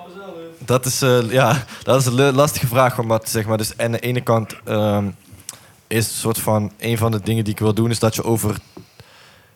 Dat je over 50 jaar een soort van discografie van mij hebt. Wat ook. Ik, zeg, ik heb dat een keer ergens. Heb ik dat niet bij jou gezegd? Ik zeg van. De discografie is uiteindelijk Ja, de, bi- ja, ja. de biografie. Ja. Toch? En op het moment dat ik dan nu zeg maar in die discografie de hoofdstukken zou gaan pakken uit mijn, mijn verleden, waarvan ik op dat moment toen ik het maakte bewust heb gekozen om ze niet uit te brengen, dan ben ik gewoon aan het, dan ben ik aan tijdreizen. Dan ben ik, man. dan ben ik aan het, snap je, je, ziet, je weet toch die tijdreisfilms dat ze zeggen, we kunnen terug in de tijd, maar je kan niks veranderen, want dan gaat alles fout. dat zou ik dan doen, want dan zou ik iets uitbrengen wat ik vroeger niet wilde uitbrengen, snap je? Ja, ja. Dus dan- Helemaal, ja. Heb, heb je nu al bepaalde tunes die je hebt uitgebracht... die je misschien stiekem zouden ver- ver- verwisselen voor een ander nummer? En dat is zonder dat je hebt gezien wat die tune bijvoorbeeld doet. ja, ook met nu, jezelf. ook met- nu, maar dat telt niet, ook niet. Nee, Want nee wat maar... ik nu vind daarover is niet, je? Zeker, zeker. Dat is ook terug in de tijd iets veranderen. Oh, Daarom- nu eh, altijd iets veranderen. Je bent nu niet eens geboren. Maar daar mag je het er wel over hebben. Nou man, zo. dan zei Matt laatst tegen mij. Hij zei, ik kan nooit spijt hebben van iets... omdat je op dat moment koos dat het goed voor jou was op dat moment. Je weet toch? daarom. Dus Ja, je hebt ook die capaciteit van hersenen op dat moment, zeg maar. ja, Klopt. ja juist. verder. Toch? Juist. Ja. Ja. Ja, dat is ook de bedoeling. Zeker. Het, is, eh, het is ook de bedoeling om te laten Maar- zien wat je niet goed hebt gedaan. Ik moet ook wel eerlijk zeggen, wij zijn ook wel echt... Ik zeg nu wij, ik in ieder geval. Zeg, nu dat nee, er maar nu wij zijn... Dus nee, zeg ik weer wij. Ik ben iemand die ehm, op één moment kan denken van... Oké, dit is niet het ding wat we moeten doen. Hoe wij vroeger op Soundcloud dingen hebben gedropt... Het was het letterlijk dat we in de studio zaten... dat we dachten, goed, dit is alle shit die we ooit hebben gemaakt... we moeten het nu online zetten. Je weet toch, maar we wilden, letter- we wilden, we wilden niet wachten totdat we het moesten... eh, dat het moest goedgekeurd worden, dat het moesten laten mixen, masteren, je weet toch? Die dingen. Wat het ook super puur maakt en juist mooi is voor op dat moment. Maar nu zou je misschien over bepaalde dingen denken van... oké, hadden we daar misschien wel even een dag over nagedacht. En dat is wat we nu wel doen, wat misschien ook weer niet goed is. Je weet toch? Want soms is het juist wel goed om die over na te denken. Dus dat maakt die... eh maar ja. Dat is ook een beetje balans, toch? Ja, man. Ja, man. Maar wat, wat je ook zei, bij romanschrijvers bijvoorbeeld... is het heel normaal als je gewoon drie of vijf jaar wacht. Of gewoon niet Zo, wacht, maar en bezig hoe- bent. En hoe, Ja. man. Terwijl nu als je als de rapper of muzikant drie jaar wacht... dan is het zo van, bro, waar was je? Of wat, Ja. wat heb je überhaupt gedaan? Ja. En ik vind het ook hard, zeg maar, wanneer het... eh, Wanneer je ook beseft van, oké, ik ben begonnen toen ik 16 was, ik ben nu 26, dat is al 10 jaar. En ik denk, eh, ik denk gewoon alleen maar van, hopelijk heb ik nog fucking veel jaar. Heb ik nog meer jaar dan die 10 jaar dat ik bezig ben. Heb ik nog gewoon. Ja, dus als ik nu al te veel ga doen. En ik vind ergens ook voor het hard, bijvoorbeeld bij, eh, bij Nietzsche bijvoorbeeld. Het moment dat hij eh, wist van, yo, ik word nu echt oud en ik ga bijna dood. Heeft hij veel meer gedropt eigenlijk. Veel meer boeken, boeken uitgegeven Even. Snap je? Ja, ja, ja. Moet Dan- nog even uit. Hij dacht van, ah shit, maar ik ben nog niet ready, man. En dat vind ik ook hard. En ik denk Ja, dat, dat, zeg maar, dat, dat ga je niet krijgen als je nu al 20 eh, dingen gaat schieten, snap je? Maar Herman Busselmans, ken je die, die Vlaamse schrijver? Ja? Die, dropt, die heeft gewoon afspraak met zijn uitgever dat hij om het half jaar een boek uitbrengt.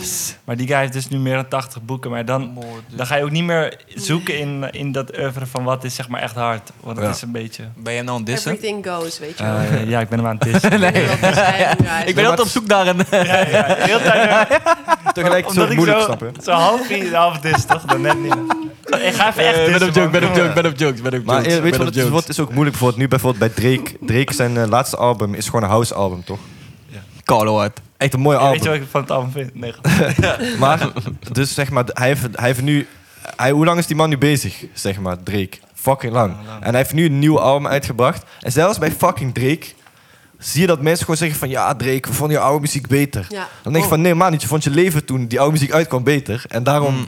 wil je dat, horen, resoneerde of zo. meer of zo. Ja. Ja, Maar hij, hij, hij, had, voordat hij Certified Lover Boy dropte, zei hij al... Ik wil eigenlijk met de andere album komen, daar ben ik nu al veel lange tijd mee bezig. Wilde ik eigenlijk eerst droppen, maar ik dacht van ja, dat komt daarna wel. Maar ik ga waarschijnlijk met dat album veel fans verliezen. Dus hij was toen al lang bezig met dat album, dat Ja. house album, je weet toch. Maar ah, da- dat is wat hij wil doen. Daarom is het toch hard dat je dat dan ook... Ja, ik denk ook dat je gewoon als artiest groeit. En dat je gewoon als... eh, dat niet al je fans meegroeien of zo. Je weet toch? Dus dat kan ook Ja. niet. Nee, maar je mag dat, dat mag je ook inderdaad nooit verwachten. Nee. Omdat iemand... Want ehm, wat heel veel mensen zeggen bijvoorbeeld... Mensen zeggen van maak meer muziek als Alice. Maar dat is Ja. ook wat mensen zeggen tegen Hef. Maak, maak, een, maak, opnieuw, Ja. maak, maak, maak, maak, maak hefvermogen. Ja. Je weet toch? Maar dat is omdat mensen op die tijd... Dat heel voelde- veel mensen zijn bijvoorbeeld... In de puberteit heb ik Eerst hefvermogen veel geluisterd. Ja. Heb ik fucking veel dingen... Voor mijn gevoel ben ik daardoor... Heb ik dingen meegemaakt daarop. gevormd. Je weet toch? Ja, maar, maar daar, was Ja. hefvermogen qua muziek een, onder, een heel groot onderdeel van. Ja, maar eerlijk, als je daar nu naar luistert... Loef het nog steeds, man. Ja, maar het is wel anders dan toen in die Maar het is tijd. die- hoor. het is die nostalgie, maar, man. maar Ik zie daar- mezelf maar daarom snap ik heel goed. Maar het, het is voor ons een blessing. En dan kun je dat we zelf muziek maken. Je weet toch? Omdat we Ja. weten wat het doet. En ook kunnen accepteren van een Drake dat hij zoiets doet. Terwijl het voor heel veel andere mensen begrijp ik ook goed dat ze zeggen Ja. van... Hé, maar waarom doet hij dat? Want dat is hij helemaal niet. Maar, dat is wat mensen van hem willen zien. En wat ze van hun eigen herinneringen willen Daarom. soort van waarmaken. Ja, het is voor jullie denk ik ook makkelijker om die vooruitgang of die progressie van een artiest te accepteren of zo. Omdat je Ja, misschien man. zelf ook doormaakt. En, en daarom kan Ja. niemand, kan nooit iemand kan je dissen tegen mij. Omdat ik altijd toch een beter antwoord heb. Omdat ik toch weet waar het vandaan komt. ik weet het niet, maar ik wil het Eh, weten. Raiko, Ook je mag eens, proberen. eh, ik zie dat ook wel eens bij jou staan onder video's of zo van, eh, van, van ik vond Ares eerst hard of zo, maar nu Mm. begrijp ik hem niet meer. En dan juist weer mensen van ik snapte het eer, of eerst wel was het meer gewoon Ja. voelde ik het niet of zo en nu ben ik hem helemaal gaan voelen en een soort van je hebt ook een soort van persoonlijke band met een, met een artiest. En dat heeft helemaal te maken Ja. met wat je meemaakt, hoe je op dat moment denkt, wie je bent, wat je. Ja, weet je, Mhm. dat, is, dat is logisch. Maar ik vind het persoonlijk ook wel heel vet als je soort van. Ik, daar hou ik zelf heel erg van. Als je een soort van de moeite doet om een soort. Want ik zo zie ik dat ook echt. Ik weet niet, misschien jullie dat heel anders hoor. Maar ik heb altijd het idee van je bent, hebt ook een soort liefdesrelatie met een bepaalde auteur. Bijvoorbeeld met sommige schrijvers, weet je wel. Eh, met Dushka Meising bijvoorbeeld heb ik dat heel sterk schrijver. Eh of Renate Rubinstein of zo. Dat zijn mensen die heel bijzonder zijn. Connie Palme, auteurs die echt Connie Palme. geweldig. Kunnen- Weet je? Zij maakt iets voor jou. En, en er ontstaat iets tussen jullie Maar twee. kunnen zij iets fout doen bij jou? Wat is je favoriete Connie Palme boek? Ehm, Mijn favoriete Connie Dat was Palme. een idee gewoon bij de gangster op Connie Palme. Sparren, joh. Dit is wel een goede. Denk zij Connie Palme. Wat hij zegt? Wat zeg je? Wat is jouw favoriet? Ja, Ga, ik, ga ik daarna. Nee, jou. Of elkaars favoriet, gokken. Sowieso de wetten waarschijnlijk. Nou, heel veel mensen denken de wetten, maar IM. nog veel vetter. Ja, deze, dit, dit kent bijna niemand. Is geheel de uwe. Ja. En dat ken jij dus wel. Daarom Ik heb haar hele gelezen. Ja, echt? Ja, ja, had je niet verwacht. Nee, hè? had ik niet verwacht. nee. Wat? Oké. Ik heb haar hele, al haar werk gelezen. Ja, kijk. En wat vond je van geheel de uwe? Ik vond het niet het beste. Ik, maar, ik denk, maar ik heb vaak met schrijvers dat ik het eerste werk het, Ja. het meest nice vind. Waarom? Omdat je daar gewoon... Het, eh, daar hebben ze sowieso lang staan gewerkt. Dus zij was 35 toen debuteerde zij. Ja. En toen had ze al gewoon de hele 20 jaren gestudeerd. Hey, jullie kunnen even iets voor jezelf gaan doen anders. Nee, nee, nee, nee, maar, nee, maar, ik, ik, ik- maar ik, ik, ik- maar ik was heel erg benieuwd of je daarom ook, ook, ook Boek het beste Al die luisteraars Nee, ja, ja, kijk. haken nu af. Nee, Nee, maar ik, ik, nee, maar ik was daarom, daarom vroeg ik me af, vind jij Roadtrip daarom het beste album van Ari? Eh, Nee, dichterbij, man. Hey, maar dus even om, om, om gelijk even, nee, nee. om gelijk Nee, even maar te bij muziek is dat anders, denk Oké, ik. oké, oké. Iemand in de chat zegt, wat vinden jullie van Campy's album The Zone? hey, ik heb hem net even genoemd, man. Dat is classic. Een Maar van de ik, top eh, drie, man. Oompie Keke van Campy, die was 2019. Welke? Oompie Keke. Mm. Nee, man. Ik ben echt na dat wel zijn, 2012 zijn favoriete gestopt met mijn Campy. Ja?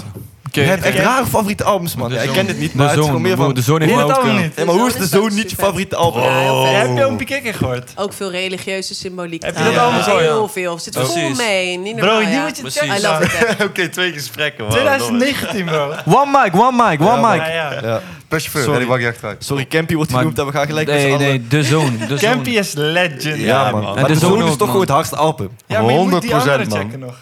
Je hebt die nog niet gecheckt. Ja, maar Dat het is anders. Nee, man. Raiko, stop. Alsjeblieft, Maar ik wil- zoon. Klopt. Ik wil gewoon dat The Zone het Ja. album is. Ja, oké. Ik ben ook zo. En die mixtapes ervoor ook. Ja. 3.2. Boervla, papa. Maar misschien is het wel anders bij schrijvers dan bij eh, muzikanten. Ja, ik heb bij Ari, zeg maar, ik vond het eerst hard. En ik kende me langer natuurlijk. Maar ik, vanaf Lotus was het voor mij echt dat ik dacht... Ja man, nou hoor ik je echt. Of zo. Maar het was ook wel een rare periode natuurlijk. Langs ik mijn het wel lekker beter niet dood eigenlijk. Ja? Toen was ik zelf ook depressief, dus dat is altijd goed. Mm, ja, Waarom ook? Ik niet ook. Hoezo waarom ook? Ja, ik heb een stempels, man. ik moet gaan, man. Ik moet Journalist van Het Parool zegt dat hij ook depressief is. Net zoals Aris. Aris, Aris was depressief toen. Ja. Maar wie zegt dat hij depressief was? Nee, maar... Nee, Nee, maar niet depressief. Laten we eerlijk zijn. Als je die tekst luistert, is het niet op dat je zegt van... Nou, die had het lekker. Dat is het. Nee, ik denk niet. Nee, toch? Toch heb je de tijd wel echt veel gelachen, man. Eh, Bro, meer lacht. Ja, dat is niet waar. Die lacht gewoon meer. Maar Nee, ik was ook niet depressief, maar ik vond het wel... Het was wel gewoon een lekkere vibe qua... Ja. het- want het was ook... Ik vond het contrast mooi van die Beter Niet Dood ten opzichte van Roadtrip. ja, dat was de bedoeling. Mm, Ja, dat is gelukt. Dat is intentional. Wat is het eerste Nederlandse album, Nederlands hip-hop album, dat jullie echt dood hebben gedraaid? En jullie Ik denken denk de van, zoon oké, voor mij, man. Serieus. Ja? Oké. Snel Ik ken je oompie kijken. Nee.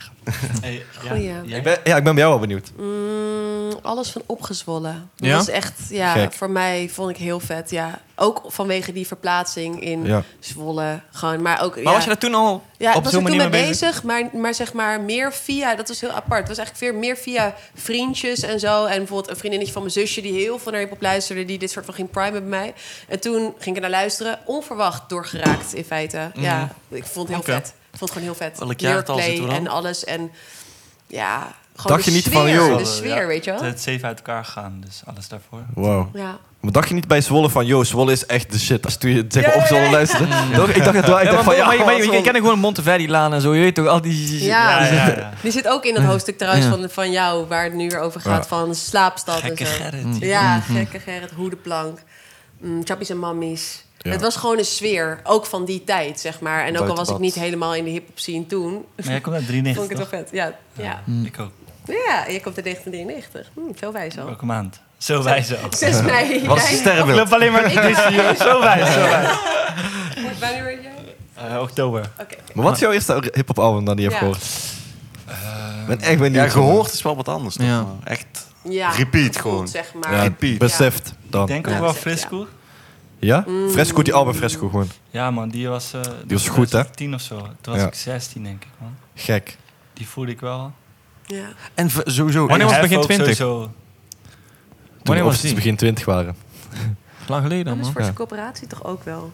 Met... Ja, toen was ik wat te jong denk ik. Die heb Ja, ik het was wel ook gecheckt. jong inderdaad. Ja, Te maar jong. Vooral, ja. Te jong, ja. Voor hip-hop. Hij is ook aan het nadenken. Ja, want, Ja, eh, nee, ik zit vooral te denken, zeg maar, waarom de zoon? Want ik Ja, luister al wel langer hip-hop, toch? Maar dat was gewoon die straatdichter vibe. Dat je gewoon alles downloaden, MP3. Je beseft niet eens albums. Het was gewoon, je luisterde TSC, je Ja, luisterde Campy, je luisterde dat ook wel, man. Nino. eh, weet Album, ik. dat is anders, ja. Maar gewoon eerste echte, gewoon, die ben ik gewoon free record shop ben ik gewoon gegaan. Die docu gekeken wat erbij zat, weet je wel. Misschien Mm. wel tien keer. Joints Ja, roken. Met die, die, die drie delen. Ja, ja, ja. Free Campy. Ja, ja, Free Die, Campy, ja, de man. docu, man. Oh, d- ja. Ik Ja. checkte Diggy Dex ook wel veel, man. Ja? Ja? zijn, Mayonaise voor de ziel.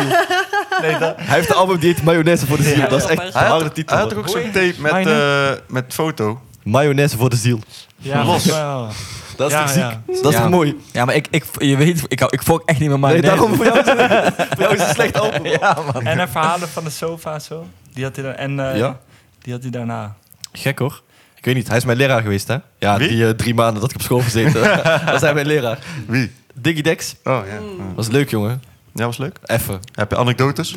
Maar Dickie Dex is toch wel een legend in een bepaalde zin, toch? Ja, man, zeker, zeker, zeker, zeker. Hij komt wel gewoon avonds live nu uit, hè? Het is gewoon Ja. interessant wat hij doet. Laat ik het zo zeggen. Ik Maar hij kan is wel het- ja. netjes, zeg maar. Hij heeft eigenlijk Staag. gedaan wat sneller heeft gedaan, maar dan zeg maar gewoon Over de rustig jaren. aan. Toch? Ja, dat, Niemand, niemand zag die handshake, maar Nee, je werd even de hand geschud gewoon. Dat was echt een fucking mooie conclusie, man. Ik, dacht, ik, Maar ik- daarom... daar, oh, sorry. hij heeft de weg opengelegd voor sneller, denk ik. Ja, maar Wie? ik denk dat Dickie Dex ook minder respect heeft verloren Dickie binnen Dex. hip-hop. Omdat hij het zeg maar Ja. gewoon organisch is gegroeid. Ja, maar had hij evenveel respect binnen hip-hop? Eerst, toen hij... Nee, ja, dus zeg maar, kijk, het is eh, mijn kan gedachte. hier jammer vanaf. Nee, maar gedachte, gedachte daarachter, zeg maar. Kijk, het Waarom, publiek, waarom? publiek was toen een stuk kleiner, toch? En kijk, de, de, de haat die sneller krijgt vanuit hip-hop, denk ik, is gewoon van. Je hebt die 1 alleen bas gekanteld. En nu Twee ga je keer, die ja. kant op, zeg maar. Maar hij had wel echt gewoon heel veel clout op dat moment vanuit. Eh, die, die doelgroep, zeg maar. En ik weet niet of die doelgroep die Diggy Dex toen had, of die toen zo groot was. Dus in, ja, in hoeverre kan je Maar dat zeggen? makkelijk om daar iets over te zeggen, want mensen vinden ook iets van Boef nu. Ja, maar je ja, toch? goed. Nee, mensen maar- vinden wel iets van iedereen Waarom? daarom bedoel, kunnen we het er eh, lang over hebben of niet. Ja. Nee, maar je kunt Ja, bij dat kan ook, kan ook een Maar optie je zijn. kunt bij Misschien bepaalde knippen we dit eruit. wel- Dat, eh, bij bepaalde artiesten kun je wel vergelijkingen zien. Dat wat jij zegt met een Dickie Dex of sneller. Er zitten gewoon vergelijkingen in, Ja. in een bepaalde hoek. Maar Sneller was bijvoorbeeld vroeger dood fan van mij. Hij heeft zelfs gewoon Matties, zijn Matties dezelfde naam gegeven als mij, zo Daku en zo, op een bepaald punt in zijn carrière. Ja. Langer geleden, snap je? Ja, ja, ja. En was hij ook een soort van, eh, probeerde die ook altijd Dat bij mijn shows supporten. nee, te doen. Zo, snap je? Dus Ja, hij- ja. ergens heb ik hem ook geïnspireerd. Voor alle mensen die boos op Sneller zijn, sorry. Ik ben schuldig. ik ben ook wel misschien een beetje schuldig daaraan. Ik heb mijn best de niet van gedaan. Arend van, van Snelle, zeg maar. Ja. Dat ben jij gewoon. Ja, ik weet ook Er worden hier wel steeds meer dingen gezegd, heb ik Ja, het idee. eh. Nee, maar het is meer... Je het is- moet er nog 30 podcasts doen, dan zijn we gewoon... Nee, maar ik snap je wel, ik snap wat je zegt. Dus het, is- je, je kan wel vergelijkingen leggen tussen artiesten wat ze vroeger deden en wat ze nu deden. Kijk, jij zei ook een keer tegen mij volgens mij van... Iemand zei dat een keer tegen mij van Kevin is eigenlijk ook een soort van... Door hef heel erg nu. Ja, ja. Ja, 100%, maar dat hoor je toch ook wel? Dat, hoor je wel, Ja. ja, hè? inderdaad, ja. ja, zeker man. Maar die gaan ook veel met elkaar om, dus die... Ja, tuurlijk, maar Ja. alsnog. Zomaar zonder hef was Kevin er ook niet of zo. Ja, en Hef zei weer een keer tegen me van... Toen was hij bezig... Dat staat ook in mijn boek dat ik heb geschreven. Hip Check in. Nederland. Hoe heet, hoe, hoe- 2017. hoe heet je boek? Hip-hop in Nederland. Jij weet ook alle jaartallen erbij, wauw. Bij? Bij? Wat bij wat? Bij wat? Nee, door. Door, Door? Door Rijko. door Rijko, Oh, ja, inderdaad. ja. Ik wou die Ah, jouw naam horen. Ja man, één van de tien. Ja. Toen al, 2017. Ja man. Bang. Nu één van de vier. Nee. Maar Binnenkort wat ik eigen zeggen? Oh ja, toen zei Hef in dat boek, of dus in een interview voor dat boek, toen, zei die, toen was hij steeds bezig met wie voor hem de nieuwe Hef zou worden. Of in ieder geval die, hij, aan wie hij het stukje kon overgeven. En toen zei hij van, ik heb gedacht dat het Mokromaniac was. En nog iemand. En toen zei hij van, nu denk ik dat het Seven is. Maar, Maar nu is het eigenlijk weer Kevin geworden daarnaast. maar is het niet raar dat je zo over jezelf praat? Nou En ja, niet van de nieuwe Hef, Nee, maar wel ja. van Ja, aan dat wie ik een soort het Dus- stokje kan... Nou, vind ik niet doorgeven. raar eigenlijk. Want je hebt toch... Je plaatst jezelf in een traditie. Dat doe je automatisch. Je kijkt Mhm. naar anderen. Ook al, ben je, ook al sta je op jezelf, doe je ook. Dat ben je ook. Je bent ook autonoom. Maar je kijkt ook naar voorgangers en zo. En je kijkt ook weer van hoe ga ik. Oh ja, weer. Oh sorry. Shit. Nee, nee, nee. Ik heb, het ver, ik heb het veranderd. Ja, misschien heb ik iets mee gedaan. Denk ik. Nee, is goed. Maar je kijkt ook weer van wie ga ik inspireren en zo. Het Ja. is ook heel leuk om soort van jou, een deel van jouw legacy weer bij een andere artiest te zien. Maar het lijkt me dan wel vet als je zeg maar ziet dat diegene jou niet alleen kopieert, maar ook weer echt een hele eigen Ja. vibe heeft. Ja. Zoals Kevin wel echt heeft. Laten we Juist. wel wezen. Juist, Hij ja. heeft Ik had ook- eigenheid. Maar Kevin had ik ook niet verwacht, maar dat hij nog zo gek ging. Dat is wel echt tof. Hoezo niet? Wanneer? Is toch best wel, ja. Ja, omdat gewoon nog die Rotterdam Airlines tijd was gewoon Seven, zeg maar. Die, Mm, Ja, maar tijden veranderen. Ja, maar Kevin Kevin, is is gewoon echt nog een groter diesel. eigenlijk geworden. Gebleken, Zeker. ja. Dat is wel tof. Ja, ook man. wel hard. Ja man, zo. interessant. Ja, wat, wat, wat de vraag Wie was... is de volgende Ari? Ja, maar jij ziet toch ook wel mensen, bijvoorbeeld die je wilt Ja, tekenen oprecht. bij het label of bij wie je... Je herkent ook iets van jezelf daarin, toch? Ja, Dat tuurlijk. kan Ja. bij- Ja. Dat vul ik ja. nu in, maar dat ja. kan ik me zo voorstellen. Nee, ja, sowieso. En ik zie ook wel veel mensen zijn wel gewoon geïnspireerd door wat we doen. Of, Mm. ja, veel. Maar ook van artiesten heb ik ook dat teruggekregen van, van wie ik niet had verwacht dat ze dat zo zagen. Maar het zij totaal iets anders maken. Maar het gaat Ja. niet om dat ze jou kopiëren, precies wat je zegt. Maar dat ze iets van je zien wat ze hard vinden en dat ook meenemen in hun Mm. ding. En dat Ja. Eigen proces zijn de gekste. Ja, precies. Dat, dat zijn de, je inspireert de gekste mensen door gewoon te doen wat je doet. Ja, ja. Eh, en dus ik vind, ik vind dat juist hard dat mensen niet per se iets nadoen, maar gewoon dat zien en denken, ah, ik kan ook wel iets doen wat, wat voor mezelf staat, zeg maar. Snap je? Ja. Bijvoorbeeld de eerste keer dat ik Jason Trill tegenkwam, was hij super hyped. En ik ook, want ik vond hem hard. Dus we waren echt, echt tegen elkaar zo af. We maakten elkaar helemaal hyped. En toen zei hij tegen mij van... Yo man, ik luister vroeger fucking van naar jou. Wat gebeurt er? Ik ga hem volgen op Insta. En je- hij stuurde me iets op DM. En je kan altijd zien wat mensen nog meer hebben gestuurd, toch? Had hij mij een keer in 2015 zo gestuurd... toen hij nog helemaal onbekend was van... Yo, Aris, wil je niet een label beginnen... voor eh, rappers die net zoals jij gewoon gekke muziek maken met autotune? En ik had dat nooit op gereageerd. Want ik heb dat nooit gezien in die tijd. Of ik keek gewoon niet daarnaar. Boem En toen ging ik dus met hem praten. Toen zag ik dat dat, dat, dat er stond van 2015. dacht ik, oh, echt wat eigenlijk. Ik had gewoon, als ik dat had gelezen, had ik gewoon met hem kunnen werken nu. Ja, ja. Bizar. En nu kom ik hem te- zo tegen en komt dat weer terug, snap je? Dus en dat was iemand van wie ik niet had verwacht. Dat, dat, Hey, dit is een goed Ja. fragment voor Complex, man. Ja. Ai, da. Maar eerlijk, wat, ik had niet verwacht dat... ik had- Ah, Rijko, man. Je bent op. Wauw. Vandaag. We gaan het afronden. Ga je op vakantie binnenkort? Of, eh? Oké, nee, maar goed. Maar kijk, ik had dus niet verwacht dat, dat hij dat zou zeggen. Dat hij geïnspireerd zou zijn door mijn muziek. Snap je? Zijn er nog vragen? Nee, dat is het probleem. ja, vertel over klimater. Misschien staat nog er. eh, Oh, ik een leuke afrondende... Even denken. Je vindt deze echt een Oké, fout, dat is nu het nog probleem. Oké, ik heb nog wel één ding dan. Mm, Oké, even denken. Mm, Oké, als iemand, als iemand nu naar jou luistert deze week, gewoon die specifieke setting, wat hoop jij dat diegene, gewoon Ja. één iemand, nu meeneemt uit jou, uit wat jij hebt gezegd vanavond en ook in je muziek? Ehm, Of of Mooie vraag. misschien beter. Ja, dat. Eh, wat, ik, wat ik hoop en wat ik ook terugstop. En ik ben dus nu de laatste tijd heel erg aan het analyseren. Ook mezelf aan het analyse- analyseren van wat zeg je eigenlijk echt. Dus tussen de regels doorlezen en, en groter kijken. Is denk ik gewoon, als je iets doet, doe het op je eigen voorwaarden, zeg maar, onder je eigen condities. En eh, dat is ook een soort van mijn, mijn... Ik ben dus een boek aan het schrijven en dat is eigenlijk mijn, mijn, mijn opening. Zeg maar van, dat is een soort van de kern van nu. Van wat ik wil zeggen is van als je het doet, doe het op je eh, ja, ik weet niet precies hoe ik het heb gezegd. Misschien onder je eigen voorwaarden. Of op je eigen voorwaarden, onder je eigen condities. Dat. Dus dat, dat is voor mij het belangrijkste. Want dat is wat ik eigenlijk net zeg van bijvoorbeeld met wat ik geef als voorbeeld met maken van albums. Ehm, en dat is ook wat ik probeer te doen. En dat in die zin denk ik dat dat mensen ook inspireert. En dat dat ook wel ja, voortkomt uit wat ik doe. Dus dat eigenlijk liefste. Dat zou, ik, dat zou ik nice vinden als mensen dat ook zo ervaren. En misschien, misschien definiëren mensen dat niet zo. Dus bijvoorbeeld ook, ook voor mij, muziek die mij vroeger inspireerde... ben ik nu weer naar terug aan het kijken van... waarom vond ik dat dan als ik, toen, Ja. ik, toen, ik zo, toen ik begon met rappen zo interessant of zo. En dan kom ik op heel andere dingen dan dat ik vroeger gewoon dacht van... Boah, ja, ik vind het gewoon vet, want het is gewoon dikke muziek. Sommige En, dingen versta ik nu pas. Ja, Ja. of begrijp ik nu pas. Ja, precies, Zeg ja, maar. ja. Snap je? Dus ik, Ja. ik, ik verstond het wel, maar... Bijvoorbeeld ook bij Styx heb ik dat ook. Bijvoorbeeld eh, één album van hem. ehm, Alledaagse Waanzin. Ik weet niet of je dat album Ja, kent. man. Heel apart album. Kwam ook echt uit toen ik net begon met rappen. Die heeft En veel ik- van mij gedaan, man. ook. Ik kende Styx en Styx had daar op dat album... Dat is mijn inspiratie geweest voor Lotus, zeg maar. Styx op dat album had hij zo fucking raar album gemaakt... en zo rare dingen gezegd en zo... dat ik dacht van, hé hey man, dit kan je ook doen. Dus zeg maar in plaats van... Tuurlijk, Hef was mijn favoriete artiest vroeger... dus ik luisterde veel naar hem. Maar die, dat album van Styx was zo anders... dat ik gewoon dacht van, hé, hey, er is een hele soort van...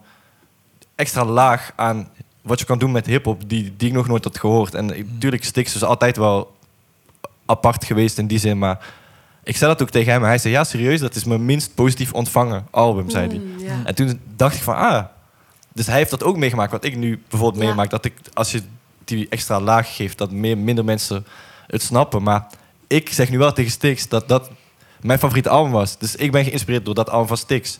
Dus misschien hebben minder mensen positief tegen Styx gezegd, hey, vet album. Maar ik ben er wel door aan het doen wat ik nu doe. Cirkel is Snap je? rond. Dat is zo vet. Ja. Dat is zo vet, inderdaad. Dat is heel gek. Dus nu besef ik me ook van, Ja. dat kan ik ook doen voor mensen met, met een Ja. Lotus of RTV of, Ja. of die dingen. Misschien zit ik over een paar jaar wel ergens en zegt iemand Ja. dat tegen mij. En dan zeg ik van ja. Dat is, dat, ja, serieus, dat hoor ik niet vaak. Dat, is- ja. Snap je? Dat is gewoon Juist sick. als je het niet, niet per se zo bedoeld had en het, komt, Ja. het raakt iemand, dat is ook van dat is misschien iets wat ik ook heel vaak nog laatst hoor. Maar een soort van wat je ook heel vaak uh, nog over die streamingcijfers en zo, als je daar ook op komt van zeg maar, wat is er belangrijker? Dat jij door honderdduizend mensen gestreamd wordt? Of Juist. dat er één iemand is op één moment, zeg maar, die jouw album luistert, die- of die een track luistert van jou en daar zwaar door geraakt wordt, die daar iets uit gaat meenemen voor niet alleen dienst muziek, maar ook gewoon dienst levenspraktijk en visie, weet je wel? Dat is Ja. zoveel waardevoller in mijn optiek. Dus dat is, dat is heel vet dat je dat kan doen, Ja. ook inderdaad. Maar ik denk dat je mij dus ook in die zin hebt geïnspireerd met wat ik doe met interviews. Ja, denk ik ook. Dat is ook een beetje die motion qua... Niet voor de... Hoe ja, zeg ik dat? Gewoon dat je voelt, wat, precies wat je Exact. uitlegt, dat dat ook met die interviews gebeurt. Ja. Dus dat je ook een rookworst hebt die gewoon fucking veel views pakken, maar ook binnen interviews zo, zoiets, zeg maar. Ja. Wat ik doe. Ja, man. Nee, je creëert En die het is meer om het gevoel of dat mensen wel echt dan geraakt worden of het echt checken. Zo. Ja. Mm. Ja, man. Als je maar gewoon moeite instopt, man. Dat is het belangrijkste. Ja, toch? Of moeite. Beetje gewoon gevoel. Ja, Dat maakt- ja, dat is wel Ja, dan, dan trek je het ook los van zeg maar views of van eh Ja. clickbait dingen. Want dan is het gewoon mens tot mens gesprek. Ja, ik heb dat ook vaak met andere artiesten. Zeggen van, hoe, je zegt, eh, hoe, hoezo zeg jij dat je niet kijkt naar streams en views? En ik snap wel zeg maar, hoe heel die... Dat, dat wel een soort van waarde kan hebben. Maar dat is bij mij zo los... Ja, het betekent zo weinig dat het zeg maar, voor mij moeilijk is om überhaupt me voor te stellen hoe dat zou zijn. Zeg maar. Het gaat inderdaad om die... Kijk, ik kom ook wel eens gewoon op plekken eh, en er staan gewoon alleen maar... me- eh, Bij, nu misschien minder, maar vroeger... Er staan gewoon alleen maar mensen van 50 plus op een festival of zo. Bijvoorbeeld Oerol Festival was ik een keer. Er staan alleen maar mensen van 50 plus daar. Die eventjes gewoon een weekend willen uitwaaien zonder kinderen. En dan zitten er misschien... Ja, snap je? En dan zijn er misschien vier fans of zo. En die vier fans, die, die wonen daar op... Weet ik waar is dat? Vlieland of Terschelling of zo? Die wonen daar. Fucking hell, die, wonen, die hebben nog nooit een rapper daar bijna gezien. Dus ik kom daar. En die komen naar de show naar mij toe en zeggen... Yo, fucking vet dat jij op Terschelling hier bent. Dan denk ik van, ai... daar- die mensen, die heb ik echt iets gegeven wat ze... Ja. Je weet toch, een herinnering. En dat is misschien harder dan al die streams. Hoeveel herinneringen heb je daarmee? Mm. Maar goed, eh, dat eh, even... Nee, maar het is wel cliché. Maar het is Ja, wel mooi waar. man. Zeg je eerlijk. Ja. Ja. Of ook gewoon één bericht wat je van iemand kunt krijgen, toch? Dat je daar Niks meer nieuws. aan hebt. Ah ja, hebben we, ik denk dat we wel... eh, zijn, er nog, zijn er nog dingen die niet zijn besproken, die we achterwege hebben gelaten... of jullie denken, shit, daar wil ik nog even over Ik, hebben? ik, ik heb heel veel geleerd vandaag. Ja, sowieso. Ja. Ik eh, ben een stuk wijzer geworden. Ik, denk- denk voor jullie. Ja. eh, wel, ik heb misschien een goede vraag. Waar moet het naartoe? Waar, als je dadelijk je onderzoek hebt afgerond, wat, hoe, hoe kun je, wat jij doet, in, wil je dat in de praktijk gaan brengen? Of wil je... Ja, goeie. Ik ga zelf zeg maar weer verder, denk ik. Eigenlijk een beetje wat, wat jij... oh, anders. ja, met iets heel anders. Of, Nou ja, of, of, of Harvard, wat je zei. Of Harvard, inderdaad. Ja, ja oprecht. Dat zou best wel kunnen. Als in, ik bedoel, ik ga zelf gewoon weer verder met onderzoek doen naar, naar jeugdcultuur.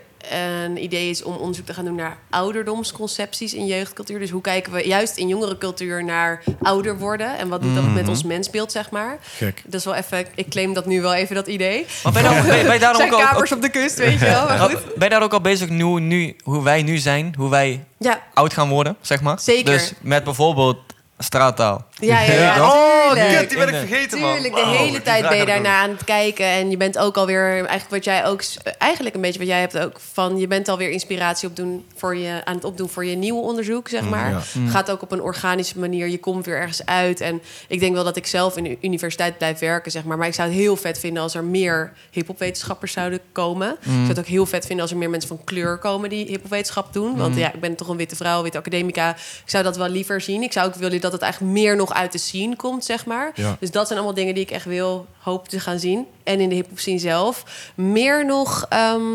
zeg maar, ik hou van die ontwikkeling, die puurheid en die soort van flow van Nelgi inderdaad en van Steen en zo en Ray en jullie zeg Ja. maar dat is gewoon gewoon die vernieuwing gewoon gewoon alternatieve shit maken eh, die echt heel creatief is weet je wel. En waar het ook misschien waarvan je kan denken van oké dit is kwetsbaar maar ik stuur toch de wereld in. Dat dat resoneert bij mij. Dus dat hoop ik echt heel erg te blijven zien dat je dat mensen echt gewoon gek gaan denken zeg maar en ook bij wijze van met mensen buiten hun genres gaan werken een beetje zoals Soor doet maar misschien zelfs nog verder niet Ja. gewoon eh, een paar keer een album maken met de klassieke artiest maar dat helemaal gaan integreren in je praktijk. Bijvoorbeeld. is. Nee, andere genres, weet je wel. dat lijkt me heel vet.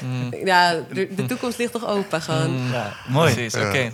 hard. Ja, Ik hoor het helemaal. Die vraag van eh, in hoeverre straattaal, zit, is dat onderdeel van je onderzoek? Gewoon, want dat is natuurlijk iets best wel belangrijk. Iets wat ik misschien als nou ja, witte eh jongeman dan ook eh, gebruik. Wat best wel raar is. Maar in hoeverre is dat onderdeel? Echt nog een heel lang, heel, uit, heel Ja. grote vraag op het einde. Ik zou het even kort houden. Maar Ja. het enige is, waar, ik- waar ik wel naar kijk, zeg maar... Ik ben niet een taalkundige of zo, dus ik kijk vooral naar die verhalen die verteld worden. En kijk wel van, met welke taal vertel je welk verhaal? Aan wie? Ja. Dus taal is gemeenschapsvorming. En het is dus in- en uitsluitend. Dus als jij een specifieke vorm van... Dus ik noem het lokale jongerentaalvariatie.